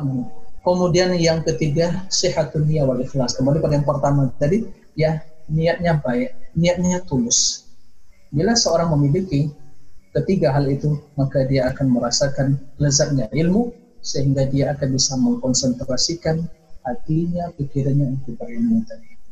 Dan itu mungkin beberapa hal yang bisa saya sampaikan pada kesempatan kali ini dengan waktu yang sangat membatasi. Ya. Sebenarnya masih banyak yang telah siapkan tadi. Ya. Tapi mungkin karena waktu yang membatasi barakallahu fikum. Barakallahu fikum Ustaz. Sedikit ini bermanfaat bagi yang menyampaikan dan bagi kita yang sempat mendengarkan pada kesempatan kali ini. Demikian Allah Masya Allah. Barakallahu fikum Ustaz. Uh, Ini kita semakin menyadari ya bahwa uh, betapa miskinnya uh, kita tentang adab, ilmu tentang adab, uh, tentang adab menuntut ilmu, dan juga banyak sekali mungkin poin-poin yang mesti di explore lagi lebih lanjut gitu ya. Ya. Kalau misalnya nanti Ustadz berkenan mungkin di lain waktu kita bisa lebih mendalami nih Ustadz nih ya. Ayo, ya, insya Allah. Kita atur nanti waktunya yang lebih, oh, Masya Allah. lebih sesuai dengan kegiatan antum semua. Karena antum, Masya Allah luar biasa dengan kondisi sekarang ini. Iya. Katanya di garda terdepan gitu ya. Masya Allah. Tapi Ustaz, uh, Ana uh, bacakan eh, pertanyaan ya. yang ada di kolom chat. Yang pertama adalah dari Dokter Pipi. Masya Allah. Masya Bagaimana cara kita tahu ilmu yang kita ikuti atau yang kita pelajari dari seseorang itu adalah benar, Ustaz? Ya, nah, baik. Masya Allah. Syukuran dari dokter siapa tadi? Dokter Pipi. Nah, dokter Pipi, barakallahu fi. Atas pertanyaannya, pertanyaan luar biasa. Jadi bagaimana kita mengetahui bahwa ilmu yang kita pelajari itu ilmunya benar gitu ya? Ya, dalam hal ini tentu sebagaimana yang kita sampaikan tadi, kebenaran suatu ilmu tadi tolak ukurnya adalah pertama ya ada uh, dalilnya. Ya bukan sekedar hanya mungkin ya logika semata tapi ada dalilnya. Jadi ada kalau Allah Rasul. Atau kita mendapatkan landasan ijma dari para salafus soleh. Nah, kemudian atau ya ilmu yang dibangun di atas sebuah kaidah ilmiah atau mungkin teori ilmu yang bersumberkan Al-Quran dan Sunnah. Nah, kita mengenal dalam ilmu ini panjang lagi masalahnya ini masalah kaidah ilmu tadi ya tentang masalah uh, ilmu tafsirnya bagaimana, gitu ya. Kan ada sekarang contoh tafsir saja, ya, tafsir. Bagaimana kita bisa melihat uh, merupakan salah satu kaidah tafsir di dalam ulama ahli sunnah bahwa mereka dalam menafsirkan ayat-ayat tentang masalah sifat-sifat Allah itu mereka imani sebagaimana zohirnya. Itu sebuah kaidah saya berikan contoh saja ya. Bisa dikembangkan nanti atau bisa kembangkan kita nanti kajian-kajian yang lain. Jadi seperti Ar-Rahman ala arsistawa itu kan ayat tentang sifat. Nah. kaidah menurut ahli sunnah dan para ulama salaf mereka mengimani ayat tersebut sebagaimana zohirnya dan zohirnya itu sesuai dengan kebesaran dan keagungan Allah. Begitu. Itu kan kaidahnya seperti itu. Nah nanti datang ahlu ta'wil, orang-orang ahlul kalam yang mereka terkontaminasi dengan pemikiran para uh, filsafat Yunani yang teori-teori Aristoteles dan yang lainnya dalam masalah teologi, masalah ilahiyat istilahnya. Lalu mereka ditakwil karena menurut mereka, nih logika bermain, logika yang rusak tadi bermain. Nah, kalau kita tetapkan sebagaimana zohirnya, berarti kita menyerupakan Allah dengan makhluk. Berarti sama nanti seperti raja duduk di singgasananya, istawa al arsh. Berarti harus ditakwil ini. Diselewengkan maknanya, tidak bisa diimani zohirnya. Nah, muncul di sini pemahaman yang keliru sehingga mereka takwil. Tatkala mereka takwil selewengkan maknanya, berarti mereka mengingkari sifat istiwa tadi. Itu satu contoh saja. Jadi sementara ahli sunnah wal sepakat bahwa ayat-ayat seperti itu itu diiman sebagai zahir. Yang pertama ada dalilnya. Apalagi perkara-perkara akidah nggak bisa direkayasa. Ya. Masalah akidah ini nggak bisa rekayasa itu udah hal yang dapat. Apa yang datang dari Allah Rasulnya dan yang disepakati oleh salafus soleh itulah akidah nah, kemudian masalah ibadah. Nggak bisa juga main kias-kias. Harus ada dalilnya dan begitu. Adapun permasalahan-permasalahan yang mungkin keseharian kita dalam masalah fiqhiyah dan artian hal-hal yang mungkin timbul dalam kehidupan kita, hal-hal yang sifatnya nawazil, ya hal-hal yang kontemporer kan begitu, maka di sini kita kembalikan kepada para ulama, maka terjadi kadang perbedaan pendapat, hilaf di kalangan mereka, selama hal itu masih uh, dalam koridor sebuah disiplin ilmu yang dibangun di atas kaidah-kaidah yang ilmiah, maka itu ya bisa ditolerir begitu. Kan begitu. Tapi hmm. masalah akidah, Enggak ada toleransi dalam masalah kita. Jelas kok. Ya kan? Makanya sih para ulama kita salaf sepakat bahwa cara yang digunakan ahlul kalam ya yang itu mereka teori-teori filsafat yang mereka adopsi kemudian diislamisasikan. Jadi ada. Jadi teori-teori filsafat tadi diusahakan mereka untuk digabung dengan ya diintegrasikan dengan ilmu-ilmu Islam tadi sehingga timbul filsafat Islam. Nah, gimana kok bisa filsafat Islam? Itu maksudnya. Jadi teori-teori filsafat Yunani Aristoteles tadi tentang masalah teologi yang hanya mengimani bahwa Allah itu hanya yang mengimani wujud yang satu, mutlak. Artinya wujud yang terlepas dari segala sifat. Jadi wujud dalam logika saja. Nah, itu mereka adopsi. Nah, ini jelas suatu kekeliruan. Jadi intinya ini juga luas jawabannya sebenarnya panjang ini. Ya. Tapi intinya adalah lihat sumbernya. Ya, Al-Quran, ada tidak Al-Quran atau hadis atau ijma para salafisnya. Khusus masalah akidah. Tapi kalau rekayasa main akal-akalan, ya majelis ilmu berjam-jam tapi nggak satu pun dalil sebutkan tentang suatu permasalahan. Nah, curiga ini. Ini ada apa ini? Kajiannya benar nggak ini? Masalah agama, masalah akidah, nggak muncul satupun dalil Berarti akidahnya dari mana sumbernya? Kan begitu. Ya. Nah itu yang wallahu alam. Ya, itu mungkin sebagian saja. Masya Allah, barakallahu Ustaz. Saya berlanjut ke pertanyaan berikutnya dari Mas Kamal. Assalamualaikum, Afan Ustaz. Nah. Adakah kiat-kiat bagi kami agar tetap pada jalan yang benar dalam menuntut ilmu atau tetap istiqomah dalam mencari ilmu yang benar? Karena bagi kami yang masih baru dalam menuntut ilmu yang syar'i, banyak sekali kegundahan atau godaan untuk tetap pada pendirian yang benar. Mohon arahannya Ustadz. Ya, nah, baik. Barakallahu fikum, pertanyaan yang luar biasa ya. ya.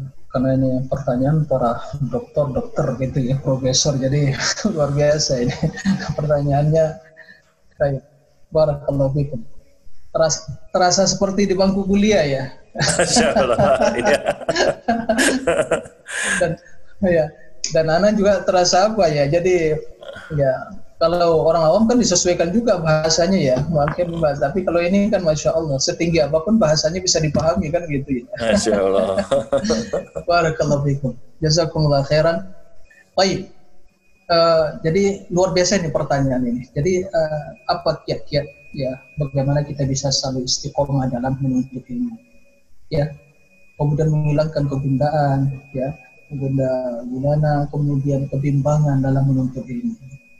Yang pertama kiat yang pertama eh, kebundaan tersebut ya kegelisahan tersebut tentu muncul dari ada perasaan hati kita. Berarti permasalahan di sini terlebih dahulu. Yang tentu banyak dipengaruhi oleh juga ya eh, hal-hal yang luar ya, lingkungan kemudian ya persahabatan, kemudian juga uh, referensi keilmuan yang dipelajari atau mungkin banyak hal yang kita dengar atau mungkin banyak pesan-pesan yang berantai di media sosial yang juga sampai pada HP kita kan begitu banyak hal media. Nah ini kadang kita nggak punya basic yang kuat tentang disiplin ilmu agama maksudnya ya dan kaedah-kaedah uh, mendasar tentang ilmu tadi sehingga membuat kita bingung mana yang benar? Semua mengatakan Islam semua bercantang Islam kan gitu ya? Yeah. bingung kita. Nah apalagi kalau ustaznya ya luar biasa retorikanya. Nah, itu ada sihirnya sihir bayan. Jadi sihir itu bukan dalam bentuk ya uh, mengganggu fisik dan pemikiran tapi juga bayan. Penjelasan itu juga menyihir. Ya ada menyihir seseorang juga buat dia terkesima Berarti yang pertama yang saya lakukan adalah selalu memohon kepada Allah keteguhan. Keteguhan hati. Ini yang pertama. Doa yang insya Allah dah kita hafal semua ya. Ya muqallibal qulub, sabbit qalbi ala dinik. Nah, ya muqallibal qulub, sabbit qalbi ala dinik. Ini harus kita baca, terutama di waktu sujud. Di waktu sujud banyak baca doa ini. Rasul itu paling banyak waktu sujud baca doa ini. Ya, bahkan dalam sumpah beliau juga banyak beliau mengatakan la ya muqallib la wa rabbuka wa, wa ya muqallibal qulub. Demi yang membalikkan hati.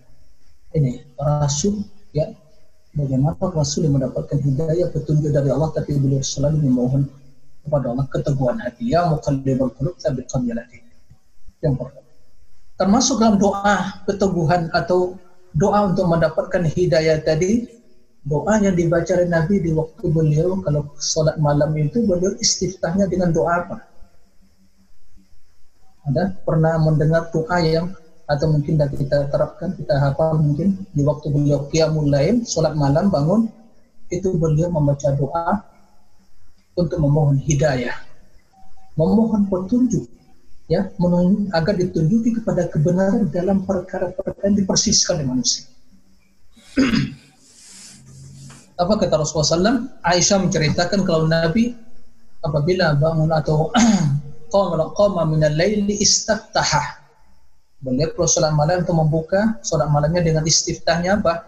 Allahumma Rabba Jibril wa Mikail wa Israfil. Fatir as-samawati wal ard.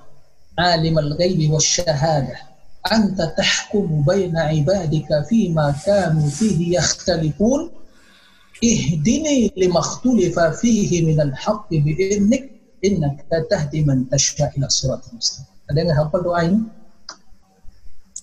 Nah, Ah, belum ya. belum Jadi belum Ustaz.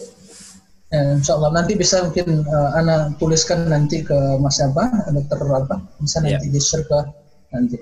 Nah, Jadi Ustaz. doanya Aisyah menceritakan kalau Nabi SAW qiyamul lail atau sholat malam itu beliau memulai sholatnya dengan istiftah. Doa istiftahnya apa? Allahumma Rabba Jibril wa Mikail wa Israfil.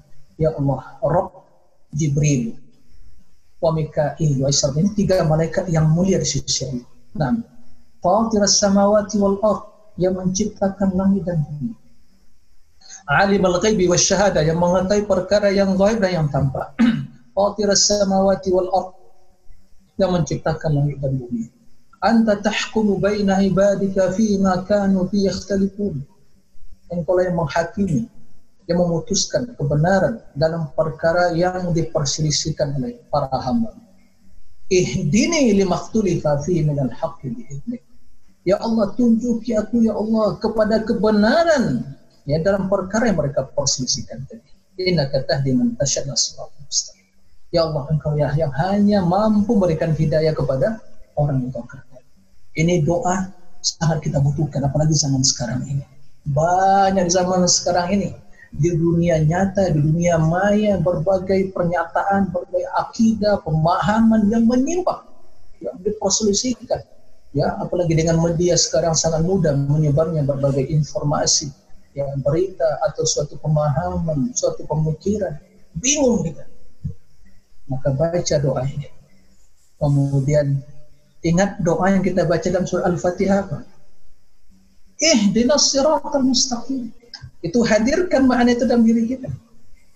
Ini doa yang mewakili itu semua kata Syekhul Islam ini doa yang paling utama, paling afdol. Tidak kurang 17 kali sehari semalam kita baca. Nah, dihadirkan makna-makna seperti itu. Ini Kemudian selanjutnya kita waspada ya. Hendaklah kita memperhatikan siapa tempat kita belajar? Ya. Benarkah akidahnya? Pemahamannya? Atau dia copot sana copot sini? Ya, cocok lagi gitu ya dicocok-cocokkan kan gitu ya. Seperti itu. Jadi nggak memiliki. Jadi nggak jelas ya pemikirannya pemahamannya. Atau jelas juga tapi jelas menyimpangnya ya. Ayat-ayat sifat ditakwil ya diingkari Allah tuh nggak bisa ditunjuk di mana Allah gitu ya. Ditakwil macam-macam. Kemudian ya nanti ya perbuatan-perbuatan yang nggak ada landasannya berusaha untuk dilegitimasi oleh dia. Dicari-cari alasan-alasan untuk membenarkan sebuah tersebut. Ini jelas berbahaya apalagi seperti itu. Nah hal-hal yang seperti itu tinggalkan. Apalagi kita yang masih mungkin pemula masih mulai hijrah karena ada juga salah kaprah dalam hijrah hijrah bagus sudah baik tapi jalannya jalan hijrah yang keliru jadi dalam hijrah ini niatnya harus kita miliki semangat tapi jalannya harus diketahui juga. Ini kita niatnya udah baik nih, tulus mau ke Jakarta, tapi jalan nggak tahu ke Jakarta, ya nggak sampai. Ya misalnya dari Jember mau ke Surabaya, niatnya tulus ingin sampai Surabaya. Tapi jalannya banyak. Mana ini mau diikuti? Banyak persimpangannya yang nggak sampai. Kalaupun sampai nanti udah letih, udah habis semua perbekalan baru nyampe. Artinya jalan yang perlu diikuti. Maka dalam hal ini kata ulama dahulu menyebutkan inna hadzal ilma dinun. Inna hadzal ilma dinun. Ilmu ini adalah agamamu. Fanzur mimman ta'khudhu dinan. Perhatikan dari siapa kamu mengambil agamamu. Subhanallah apalagi zaman sekarang ini. Jangan tertipu, jangan terkesima dengan ya retorika sesuatu. Karena retorika bukanlah standar kebenaran. Dahulu sebagai informasi bagi kita, kalau kita buka lembaran sejarah tentang ya kehidupan perkembangan munculnya pemikiran-pemikiran sekte-sekte yang menyimpan dalam Islam itu umumnya tokoh-tokoh sentral pemikiran-pemikiran yang menyimpang tadi itu semua mereka orang-orang yang memiliki kemampuan dalam retorika. Keahlian mereka luar biasa. Yes. Luar biasa. Retorika mereka. Itu yang membuat menyihir. Itu magnetnya. Itu yang menyihir. Karena kata Nabi, wa inna minal bayani la sihr. Di antara bayan tadi, penjelasannya ada sihir. Ya, sihir. Menyihir. Begitu menyihir mata, menyihir pemikiran terkesima.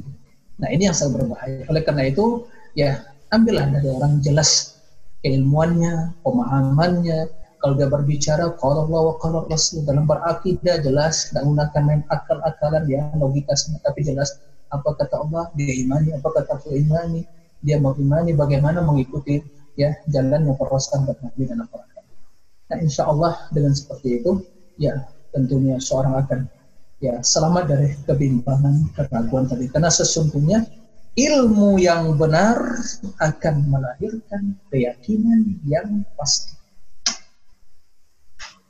Nah, itulah buah dari ilmu tadi. Nah. Masya Allah, Ustaz. Penjelasan yang luar biasa, Masya Allah. Uh, berikutnya adalah pertanyaan tentang adakah ayat yang menyebutkan secara jelas atau tegas bahwa ilmu itu mengantarkan kita ke surga, Ustaz? Adakah ayat atau ya yang secara tegas gitu ya, ya oh. dan jelas yang menjel, uh, yang menyebut, menyebutkan bahwa ilmu itu mengantarkan kepada surga. Ya. Baik. Uh, kalau yang tegas secara ya sorry dalam bahasa Arabnya itu redaksinya memang tidak uh, ada seperti itu ya. Tapi yang jelas uh, disebutkan dalam uh, dalam Al-Qur'an bahwa Rasul Shallallahu alaihi wasallam ya uh, nah bahkan sebelumnya disebutkan bahwa Allah Subhanahu wa taala menyebutkan uh, yarfa'illahu alladhina amanu minkum walladhina utul ilma darajat. Allah Subhanahu wa taala mengangkat ya orang-orang yang berilmu dan orang yang beriman di antara kalian ya berapa derajat. Kemudian juga disebutkan wa inna ma yakhshallah min ibadil ulama yang takut kepada Allah adalah para ulama. Kemudian disebutkan Rabbi zidni ilma ya. Kemudian ya Allah ya uh, tambahkan kepada aku ilmu dan tidak diragukan ya bahwa orang-orang yang beriman yang diangkat derajat Allah Subhanahu wa taala ya dan para ulama yang mengamalkan ilmu mereka adalah orang calon-calon surga kan begitu maka kalau diminta tadi secara uh, tegas, ya tidak ada redaksi seperti itu. Tapi dipahami dari keseluruhan secara kolektif dari ayat-ayat yang berbicara tentang kemuliaan dan keutamaan ilmu, maka jelas itu uh, tidak diragukan lagi. Tapi kalau dalam hadis, jelas tadi disebutkan ya, hadis disebutkan bahwa man salaka tariqan yaltamisu fihi ilman sahalallahu lahu tariqan min hmm, Barang siapa yang menempuh suatu jalan, nah, menempuh suatu jalan, dia menuntut ilmu di dalam jalan tersebut, maka dia Allah akan mudahkan baginya jalan menuju surga. Maka sabilul jannah jal ilmu. Jalan surga lah ilmu. Nah, jadi kalau kita berbicara surga itu didapatkan dengan amal soleh. Surga itu didapatkan dengan ya mencintai Allah. Surga itu didapatkan dengan baca Al-Quran. Surga itu didapatkan dengan apa? Dengan berbakti pada orang tua. Surga itu dapatkan suami istri yang taat pada suami, melaksanakan sholat uh, lima waktu sehari semalam, puasa, kan begitu menjaga kehormatan dirinya. Kemudian ya suami uh, laki-laki yang adil, kan begitu atau mungkin laki-laki yang soleh. Semua disebutkan ya tentang sifat-sifat penghuni surga tadi yang di antaranya al-iman wal amalus soleh. Innal ladina amanu wa amilus solihat na'am kanat lahum jannatul firdausi nuzula. Kan begitu? Ya, orang beriman, beramal soleh tempatnya surga firdaus. Ya, inna Allah yudkhilul ladina amanu wa amilus solihati jannatin. Na'am. Tajri tahtil anhar. Nah, Allah akan memasukkan orang beramal soleh pada surga yang melalui surga. Dan ayat-ayat yang banyak tentang masalah penghuni surga. Nah, kalau kita simpulkan adalah kembali kepada ilmu tadi. Kenapa? Karena tidak akan mungkin seorang bisa kenal pada iman yang benar, amal soleh. Tidak akan mungkin dia bisa mengenal ya bagaimana cinta kepada Allah, bagaimana ya Al-Quran memahaminya, bagaimana cinta pada Rasul, dan suatulah jalan menuju surga dan amal-amal soleh, akhlak yang mulia, tidak akan mungkin dia kenal kecuali dengan ilmu. Makanya kata Nabi SAW, Mayuridillahu bi khairan yufaqih Barang siapa Allah hendak kebaikan baginya, Allah akan bimbing dia tafaqquh fiddin. Nah, satu hal yang kita perhatikan. Di sini Allah menyebutkan yufaqihu. Hmm. Tidak disebutkan yafqahuhu. Beda redaksinya. Kalau yafqahuhu, dia paham. Tapi kalau yufaqihu, Allah memahamkan dia. Paham ya? Iya, iya. Jadi ilmu ini adalah karunia dari Allah. Allah yang memahamkan kita kepada ilmu. Nah, jangan kita hanya mengandalkan kepintaran kecerdasan kita. Orang banyak yang cerdas jenius. Itu para orang-orang filsafat itu orang jenius. Orang-orang jenius itu. Jenius. Baca biografi mereka. Orang jenius, tapi sesat mereka. Kenapa? Karena kejeniusan kejeniusan seseorang tanpa ketulusan dan kebersihan hati dan jiwanya itu sering kali menjerumuskan ke dalam kesesatan dan kesombongan. Masya Allah.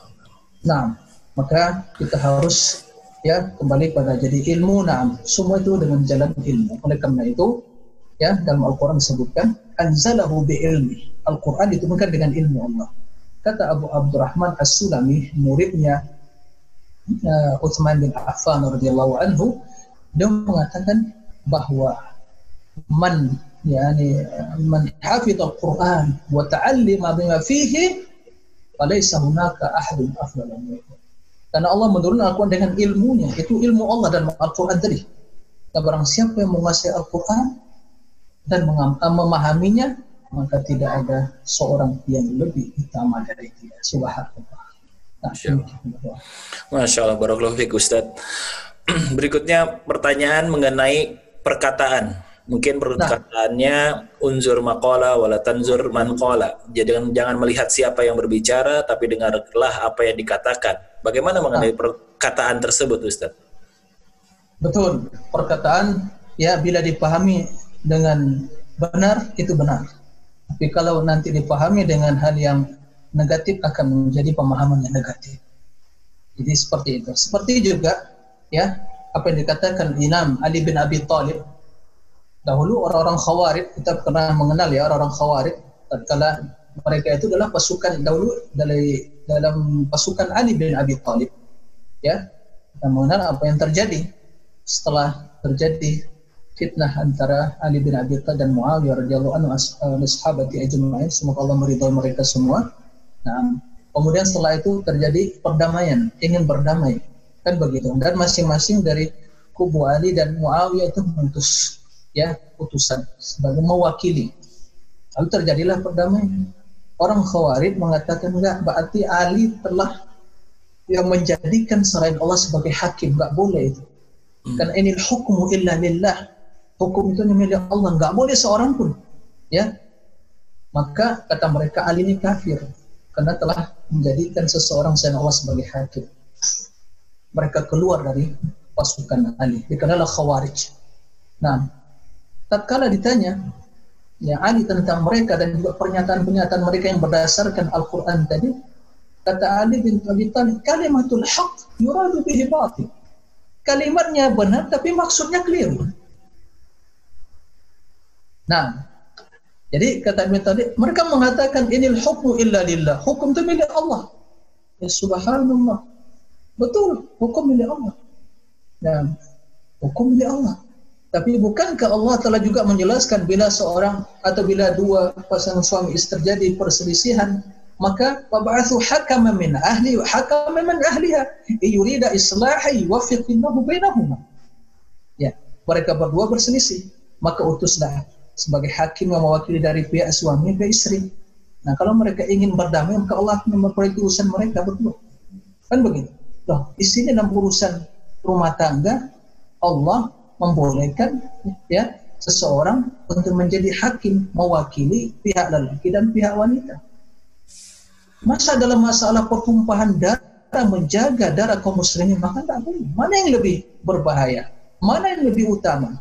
Menjaga darah kaum muslimin ya karena terjadi pertumpahan darah.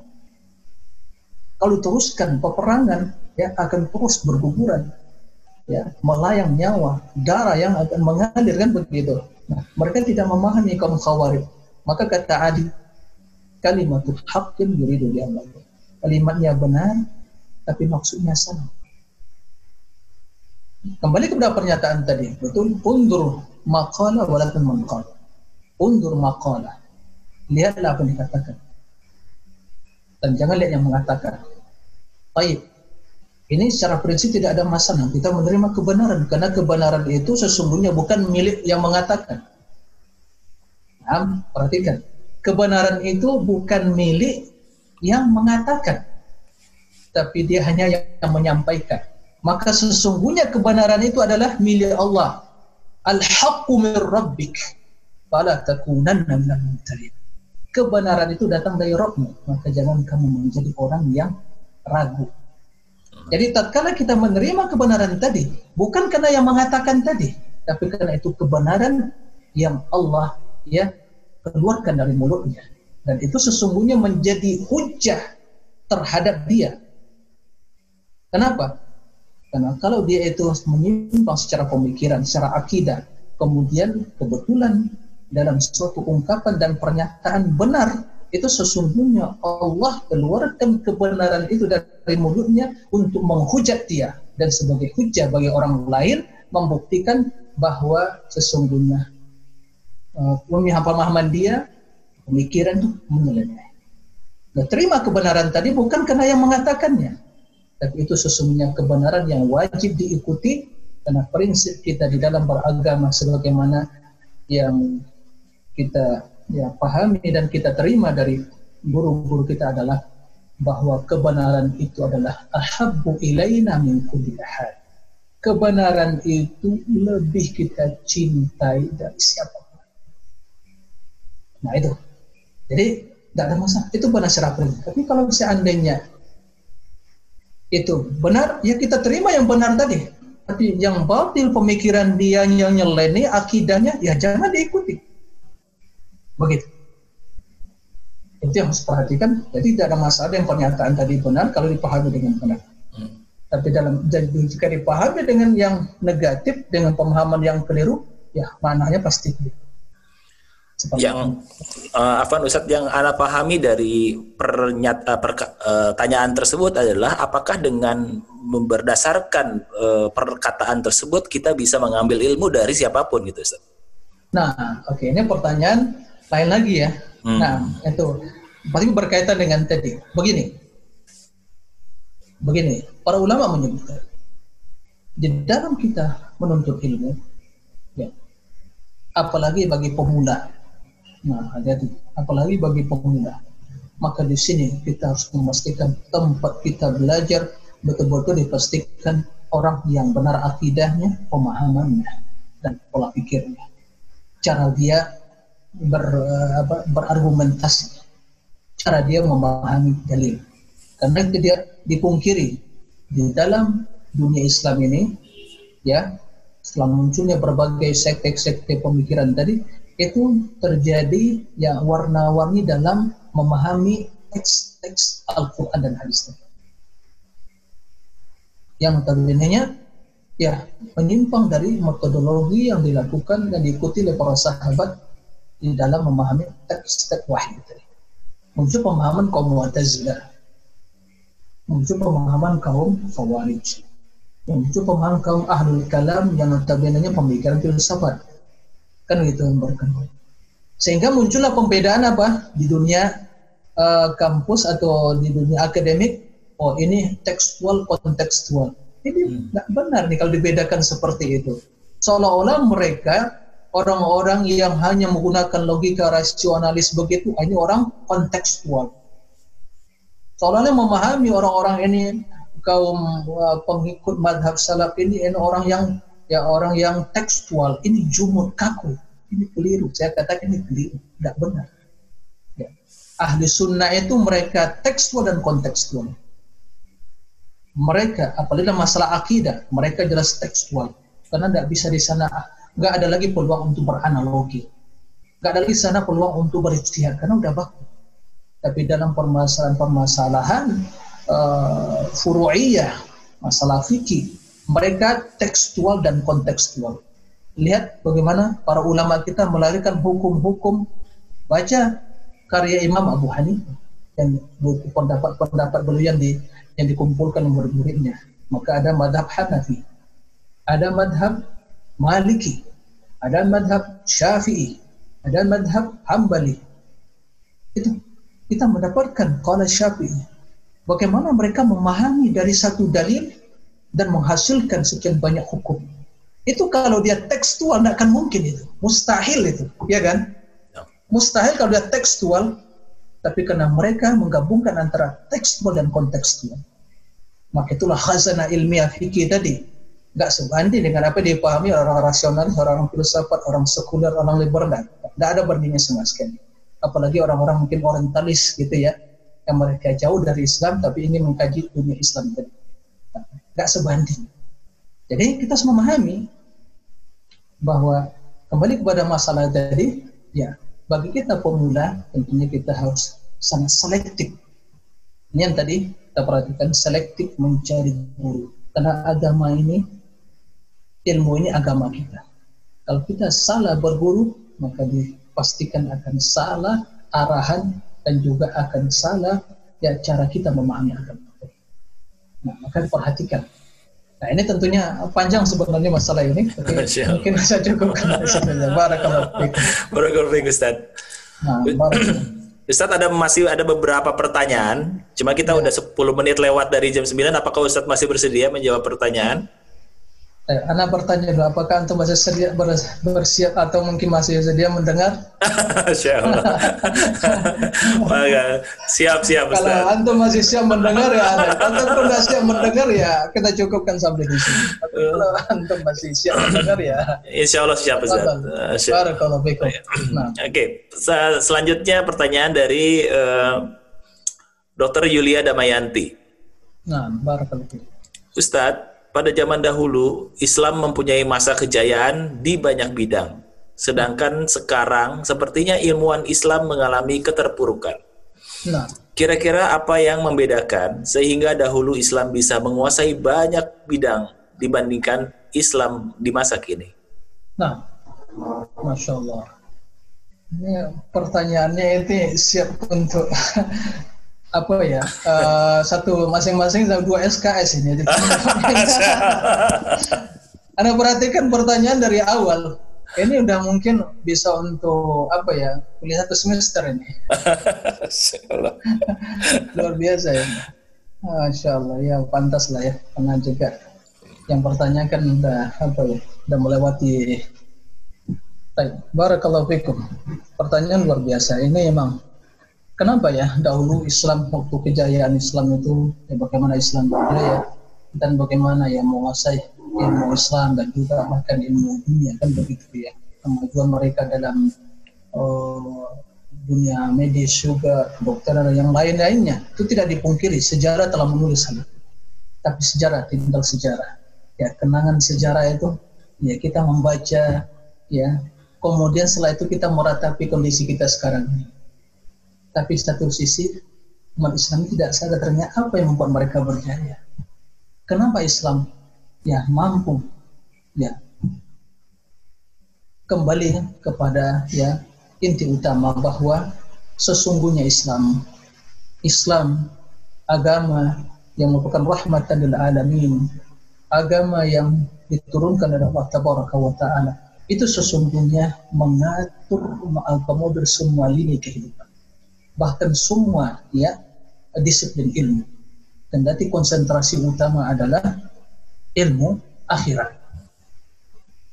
Nah maka Islam kalau seorang memahami Islam dengan benar dan bagaimana Islam menghormati dan memuliakan sebuah ilmu apalagi ilmu dun, eh, ilmu agama dan setiap orang-orang yang ya uh, mampu menggunakan dan memaafkan ya uh, logika mereka yang pernah diberikan oleh Allah tabaraka wa kemampuan mereka uh, apa namanya itu untuk berpikir untuk melakukan suatu penemuan-penemuan riset dan berbagai ya kemudian dalam berbagai hal maka itu Islam semua mendukung hal itu. Bukan seperti dahulu zaman ya kaum Nasrani bagaimana gereja yaitu betul-betul ya berusaha untuk membunuh para ilmuwan kan begitu dihukumi dan macam itu dah kita sehingga itulah reform apa namanya itu revolusi yang namanya ya Protestan dan yang lainnya itu bagaimana mereka ingin bebas dari agama yang seperti itu. Berbeda dengan Islam. Islam lahir datang untuk rahmatan lil alamin dan mengajak pada seluruh kebaikan. Maka Islam sesungguhnya tidak bertentangan dengan sains, dengan uh, ilmu-ilmu umum selama itu bermanfaat. Nah, ini kuncinya. Selama bermanfaat untuk ya kemajuan manusia, memudahkan urusan hidup mereka, ya semua itu bermanfaat, maka Islam pada dasarnya itu mendorong, memotivasi. Nah itu dipahami dahulu oleh para ulama-ulama Islam. Sehingga mereka terus berkarya, meneliti, melakukan riset, penemuan terus menerus. Sehingga bagaimana kejayaan. Tapi setelah itu muncul kejumudan dalam berpikir, ya kemudian fanatisme dalam berperilaku dan sifat. Yang terjadi apa? Keterpurukan tadi. Nah, belum lagi berbagai aliran-aliran sempadan dan juga merusak pola pikir ya dan juga orang-orang yang kata mereka hanya fokus di urusan akhirat saja tapi meninggalkan urusan duniawi sehingga kata mereka hanya fokus ibadah dengan ya dilatar belakang dengan berbagai pemahaman-pemahaman sufisme dan yang lain cukup dalam berpikir. Nggak bisa berkembang. Nah itu keterpurukan tapi kalau betul-betul memahami Islam dengan secara komprehensif ya secara menyeluruh ya bagaimana Islam itu mengakomodir ya dan mensupport ya memotivasi untuk terus melakukan ya penemuan-penemuan dalam dunia karena sesungguhnya dalam Islam kaidahnya antum a'lamu bi umuri dunyakum berarti Islam membuka peluang seluas-luasnya ayo terus lakukan riset penemuan-penemuan terus dalam dunia medis juga terus lakukan ya dikaji itu anatomi manusia Allah mengatakan wa fi ampusikum afala tubsirun. Allah katakan seperti itu. Pada diri kalian tidak kalian memperhatikan. Ini para dokter sekarang ya, Allah menantang kita semua. Itu diri kalian, tubuh kalian tidak kalian memperhatikan. Ayo dikaji itu. Ya, sampai sekarang belum ditemukan, belum bisa manusia uh, sudah menemukan semua rincian detail tentang masalah anatomi manusia. Ya kan? Betul enggak? nah. omongan Nana ini atau masih belum kan terus penemuan-penemuan tentang masalah ya. ya kan terus apalagi dengan sekarang ya dengan medis yang belum teori medis yang sekarang uh, di zaman modern sekarang dengan berbagai ya kemajuan teknologi sekarang. Terus itu Islam mendukung Islam tidak memusuhi ilmu pengetahuan.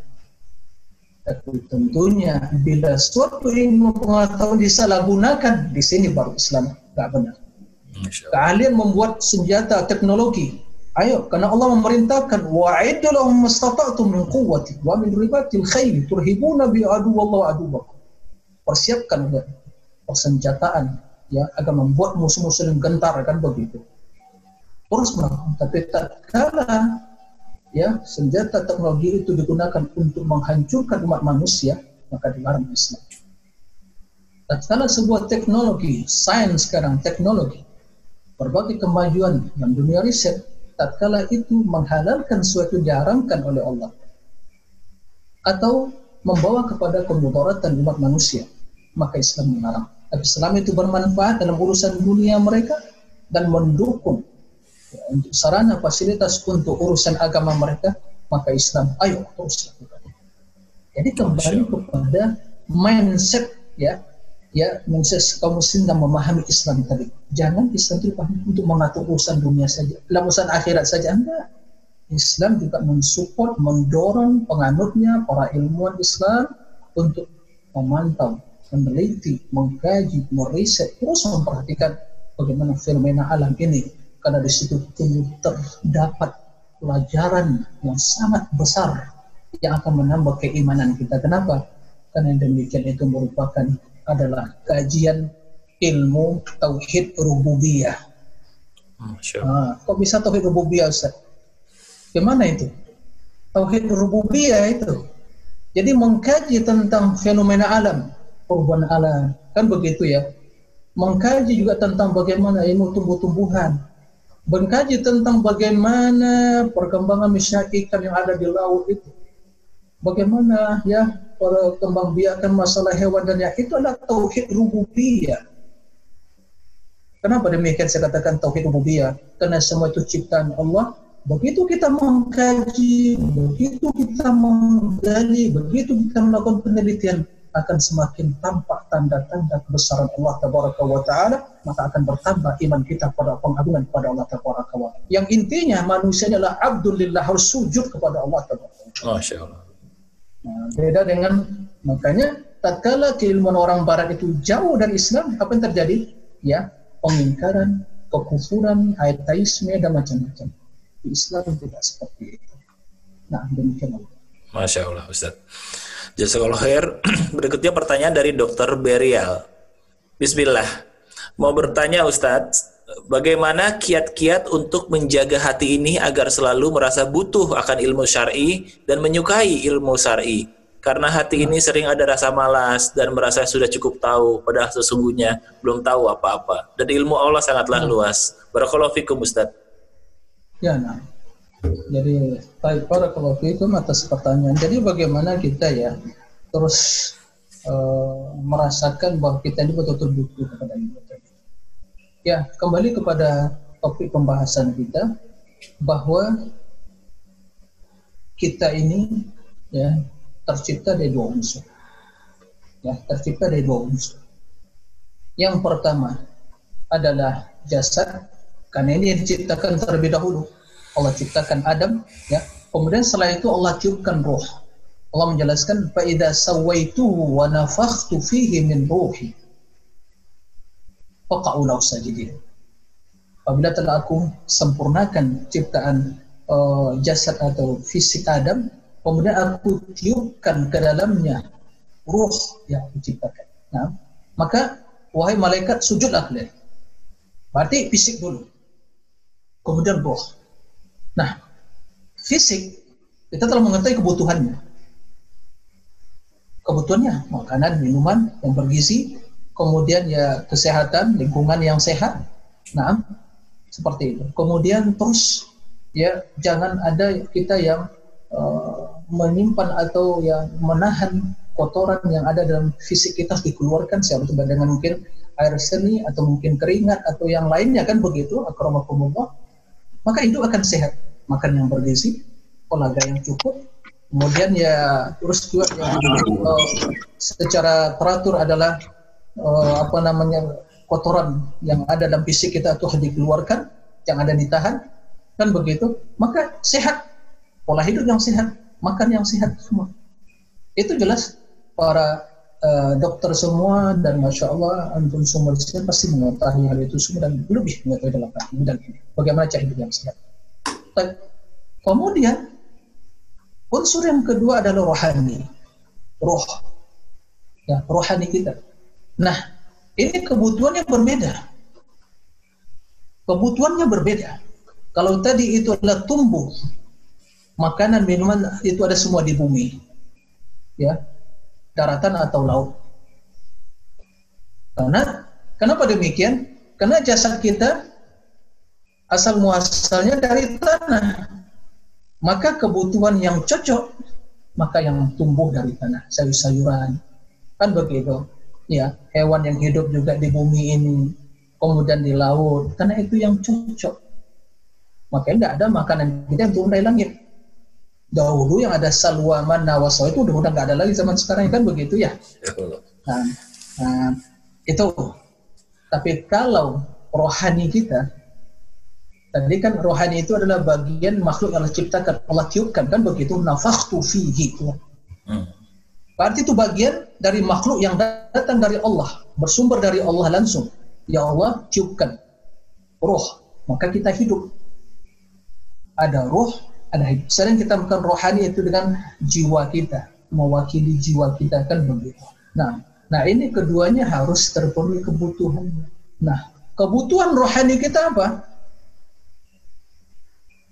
Nah, tatkala rohani ini sumbernya adalah dari Allah, yang Allah tiupkan ya, ke dalam jasad Adam, maka untuk memenuhi kebutuhannya agar tidak terjadi kekosongan, ya, maka Allah turunkan syariat dari Allah. Allah turunkan syariat. Maka diutuslah para rasul, diturunkan syariat. Untuk apa? Untuk mengisi kekosongan rohani tadi, agar rohaninya sehat maka turun wahyu syariat Allah. Ada zikirnya, ada ilmunya, kan begitu. Nah, bila keilmuan tadi untuk mengisi kekosongan ruh tadi kita ambil dari hasil pemikiran manusia yang hidup di permukaan bumi, maka hancur. Rusak hati tadi. Maka itulah pemikiran orang filsafat, kenapa rusak alul kalam? Karena mereka mengadopsi dari pemikiran-pemikiran hasil rekayasa manusia yang tinggal di bumi ini tidak mengambil dari wahyu rusak mereka. Nah, saya ingin menjelaskan bahwa kebutuhan utama rohani kita itu agar sehat adalah ilmu. Nah, coba kalau nggak makan sehari semalam, gimana rasanya? Ya. Nah, kalau nggak menjaga kesehatan atau lingkungan atau enggak uh, mungkin kotor atau kumuh. Atau masalah ya uh, kesehatan dibiarkan begitu saja nggak diperhatikan. Sakit sakit jasad kita sakit fisik kita. Nah para dokter yang repot nanti kan begitu ya. Yeah. pasiennya kan nggak nggak bisa pola hidup yang sehat. Maka bila kaum muslim tidak menjaga kesehatan hatinya, nggak mau nuntut ilmu, nggak mau beramal soleh, nggak mau istighfar, nah ustadz yang capek, dokter jiwanya, dan itu lebih berat lagi karena dokter jiwanya sedikit. Sedikit dihitung jari atau dua tiga. Tapi dokter fisiknya banyak. Sementara yang sakit jiwa lebih banyak daripada yang sakit fisiknya. Betul nggak? ya, Betul nggak, anak? Ya ini ini sebuah penelitian apa ya? Benar nggak? Kalau benar ya seperti itu. Anak melihat yang sakit jiwa lebih banyak daripada sakit fisik. Betul Ustaz. Jadi yang yang yang terinfeksi virus syubuhat itu lebih banyak dari virus corona. Ya COVID-19 ini lebih banyak. Ya seperti itu. Dan jauh-jauh sebelumnya telah banyak yang terinfeksi virus-virus itu. Nah, itu. Maka oleh karena itu, bagaimana kita ini terus masuk bagaimana cinta dan ya kita yakini bahwa ilmu ini kebutuhan rohani saya, makanan minumannya. Tanpa makan minum tidak mungkin sehat, lemah. Bagaimana dia akan bisa jiwa menjadi tenang? Bagaimana dia akan merasakan kelezatan ibadah? Bagaimana dia akan bisa merasakan kedekatan jiwa kepada Allah? Bagaimana dia akan merasakan ketenangan batin? Kalau ilmu nggak ada, maka di sinilah kenapa Nabi Wasallam setiap pagi, setiap pagi para dokter ya setiap pagi Rasul memohon kepada Allah. Apa itu? Doa yang tadi di awal mukadimah kita kita baca. Masih ada yang ingat doanya? Ini termasuk doa di pagi dan petang hari ini. Apa doanya? Ada apa? yang ingat tadi? Apa? Allahumma ini as'aluka. Iya. Ini as'aluka ilman nafian, warizkan thayyiban. Betul. Naam wa amalan mutaqabbalan. Itu setiap pagi. setiap pagi Nabi membaca itu. Kenapa itu setiap pagi membaca itu? Di situ dua banding satu. Dua banding. Yang dua kebutuhan rohani kita, yang satu kebutuhan fisik kita. Rohani kita ilmu dan amal soleh. Fisik kita rizqan tayyibah. Nah, dua banding satu, mana yang lebih utama? Satu atau dua? Ya, karena kebutuhannya lebih besar maka dua. Kalau fisik ini ya rizqan tayyibah. Oleh karena itu, bila kita memahami bahwa ilmu ini kebutuhan rohani. Rohani saya harus sehat, jiwa saya harus sehat ya, wasik ilmu. Nah, karena kembali kepada tadi pembahasan kita sampaikan bahwa kebodohan kita ini sungguh sangat banyak sekali. Maka tidak akan mungkin jiwa kita sehat, rohani kita sehat kalau rohani kosong dari ilmu, kosong dari amal soleh. Maka jika demikian berarti mau atau tidak, ya sadar atau tidak, berarti kita lebih membutuhkan pada ilmu daripada makanan. Imam Ahmad pernah mengatakan, hajatun nasi ilal ilmi akthar min hajatihim ila at-ta'am wasyarab. Fa inna at-ta'ama yuhtaju ilayhi fi kulli yawmin marratan aw marratain. Wal ilmu yuhtaju ilaihi adad al-anfas. Kata Imam Ahmad rahimahullah, Imam Ahmad bin Hanbal rahimahullah, kebutuhan manusia kepada ilmu lebih besar, jauh lebih besar daripada kebutuhan mereka kepada makanan dan minuman. Makanan minuman ya sekali atau dua kali atau mungkin hanya tiga kali sehari kan begitu yang sarapan pagi, makan siang, nanti mungkin ya makanan ringan malam kan gitu ya. Atau mungkin sebagian banyak puasa yang mungkin hanya sahur dengan berbuka saja. Atau mungkin hanya dua kali saja. Sebagian seperti cukup begitu ya. Tapi kalau ilmu kata Imam Ahmad ada kebutuhan kita kepada ilmu sejumlah pernapasan yang kita lakukan setiap saat Allah Masya Allah nah, demikian Allah Bar Barakallahu fiik Ustaz Pertanyaan berikutnya dari Dokter Ica. Ada dua pertanyaan nih Ustadz. Uh, apakah ada perbedaan antara menuntut ilmu di negara yang mayoritas non-Muslim dengan negara yang mayoritas Muslim? Karena saya pernah mendengar bahwa sebaik-baik tempat menuntut ilmu adalah di mana daerah tersebut mayoritas Muslim. Lalu yang kedua adalah uh, bagaimana jika seorang akhwat berniat untuk menuntut ilmu di luar daerah tempat dia tinggal, apakah diperbolehkan jika tanpa mahramnya? Syukron kasiran Ustaz. Nah, ya terima kasih pertanyaannya. Adapun masalah menuntut ilmu, mana yang lebih utama menuntut ilmu di tempat mayoritas yaitu penduduk muslim atau minoritas?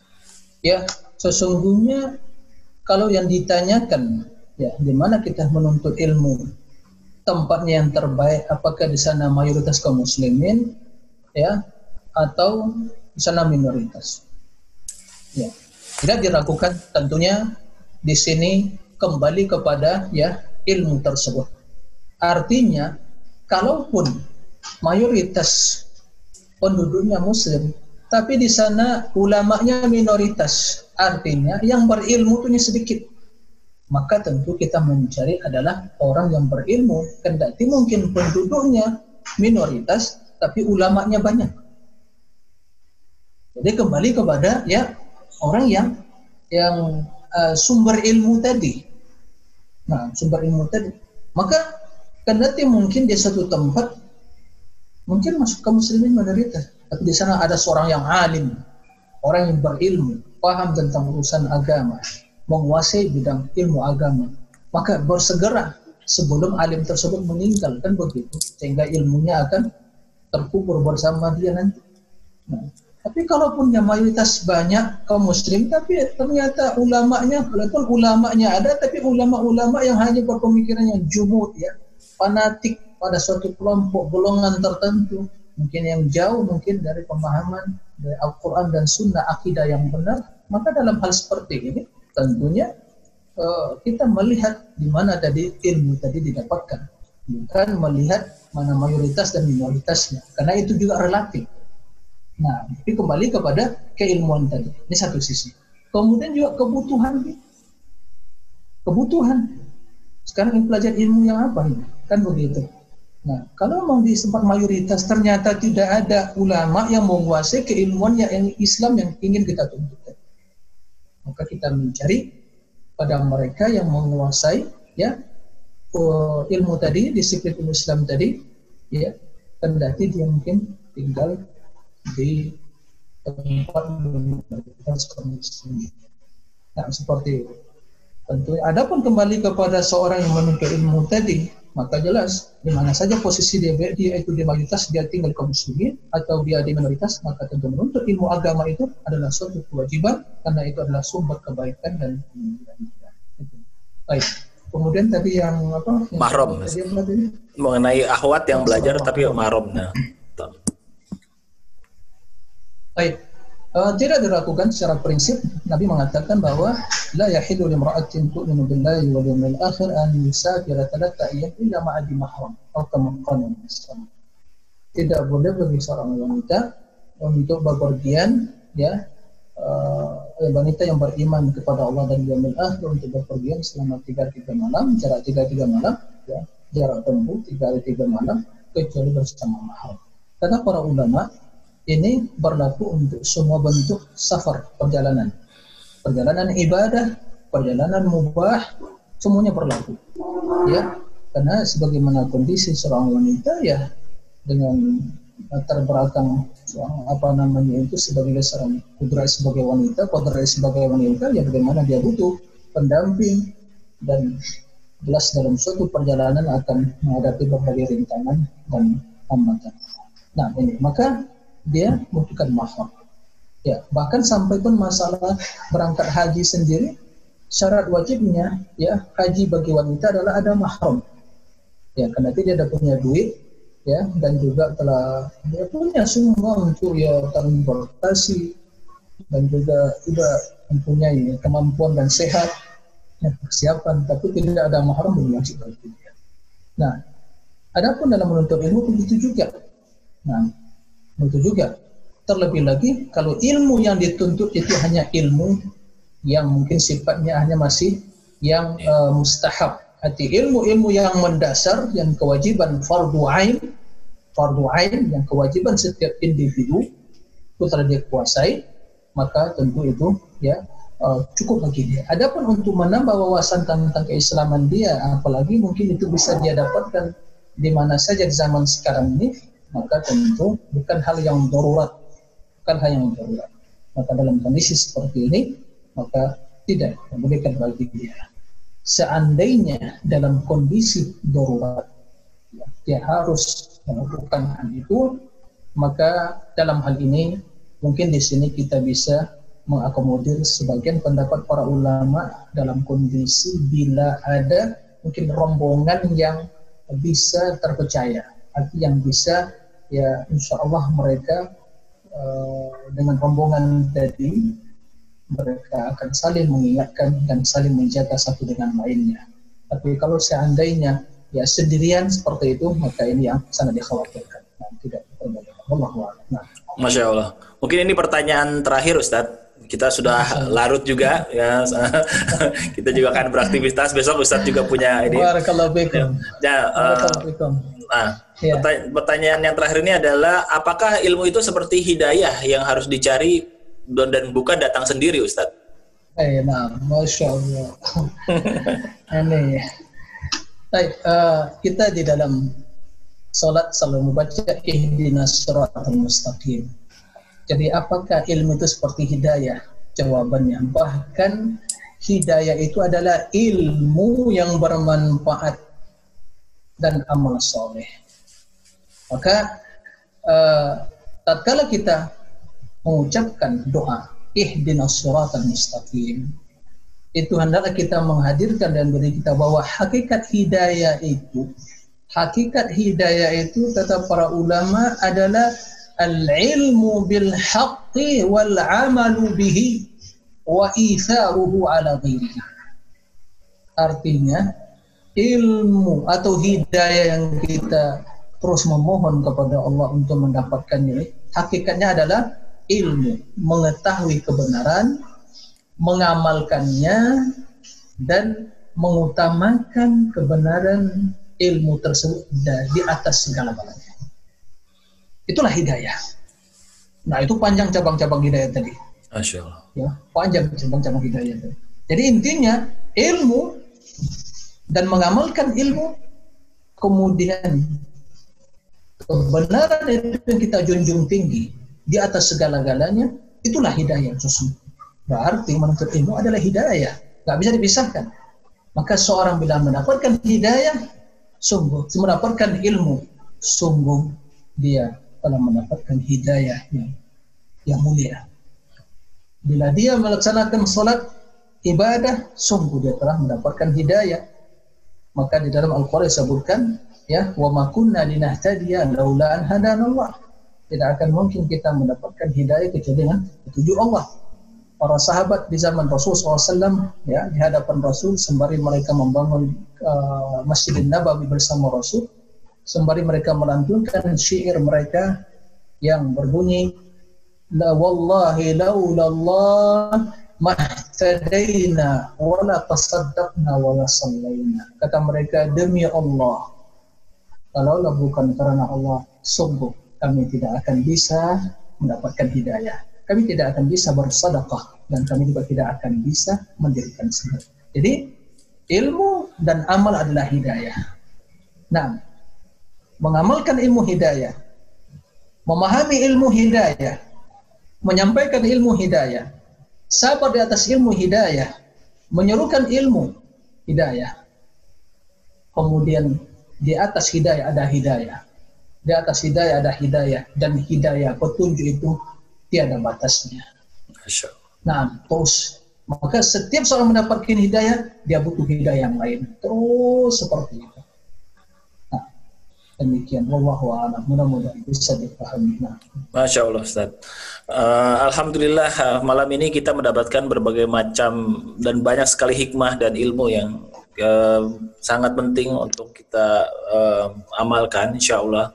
Uh, terima kasih sekali Ustadz uh, Muhammad Nur Ihsan, uh, jazakallah khair, barakallahu fikum. Mudah-mudahan Allah memberikan keberkahan buat antum Ustadz. Uh, mungkin uh, sebagai take home message sekaligus menutup kajian ini, uh, tafadol Ustadz.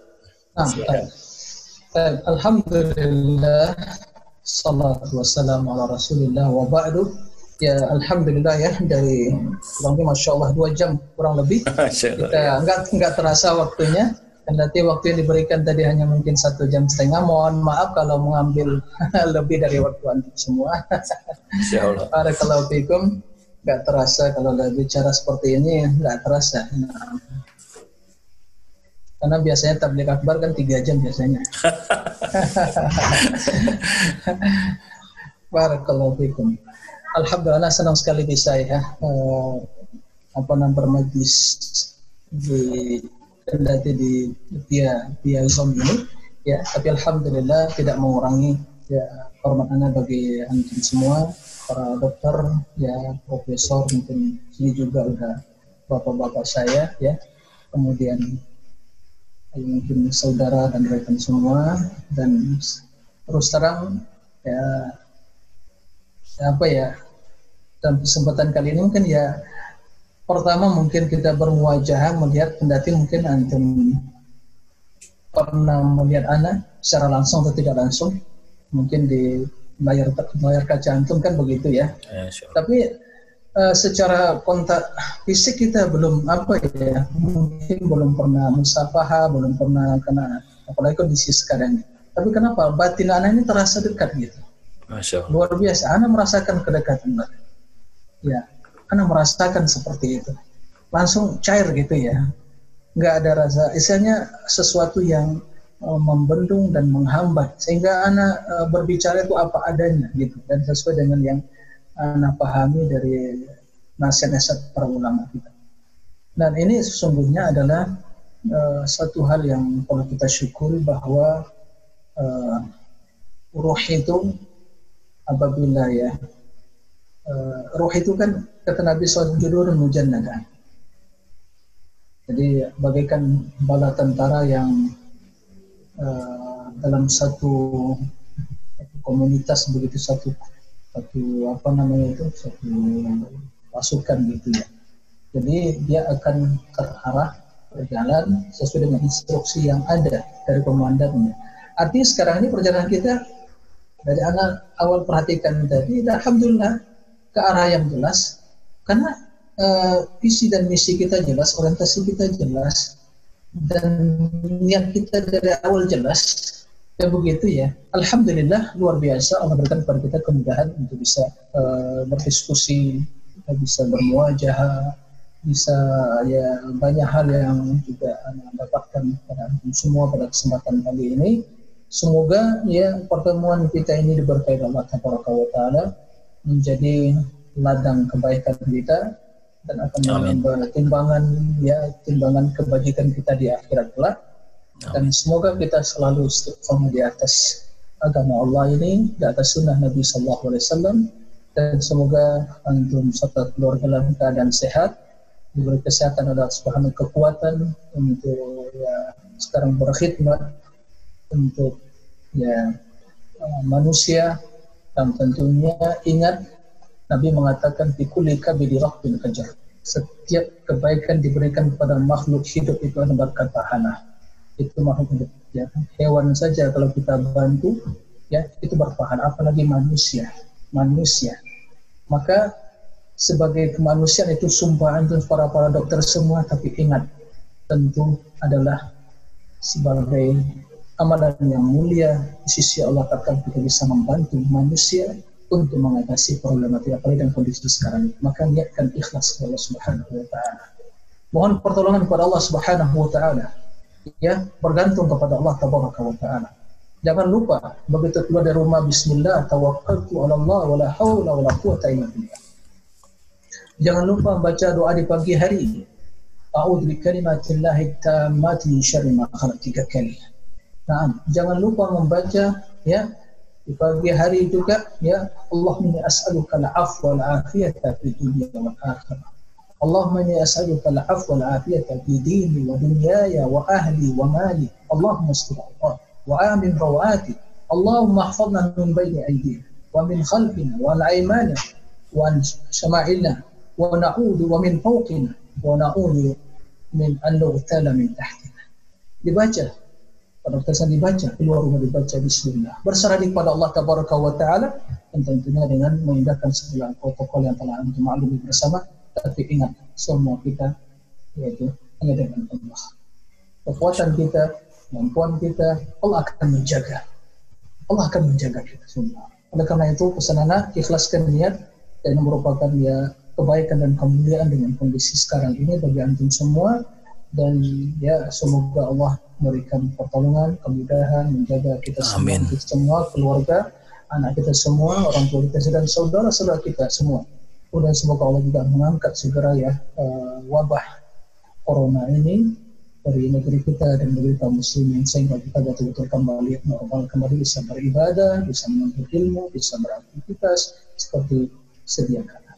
Nah, Allahumma amin. Demikian wa sallallahu wasallam uh, kemudian sebelum saya akhiri mohon maaf ya mohon maaf atas segala kesilapan kekurangan dari awal tadi saya berbicara dan perlu diketahui yang banyak berbicara pasti banyak salahnya semoga Allah mengampuni dosa kita semua dan membimbing kita semua di atas jalan kebaikan dan semoga Allah memberikan kepada kita husnul khitam husnul khatimah dan semoga kita menjadi orang-orang yang bahagia dunia dan akhirat. Allahumma amin. Demikian wa sallallahu wa sallam Muhammadin wa alihi wa sahbihi wa sallim. Alhamdulillah rabbil alamin. Subhanaka Allahumma bihamdik asyhadu an la ilaha illa anta astaghfiruka wa atubu ilaik. Wassalamualaikum warahmatullahi wabarakatuh. Waalaikumsalam warahmatullahi wabarakatuh. Jazakumullah khair Ustaz Muhammad Risan. Ya. لا يذوقون فيها بردا ولا شرابا إلا حميما وغساقا جزاء وفاقا إنهم كانوا لا يرجون حسابا وكذبوا بآياتنا كذابا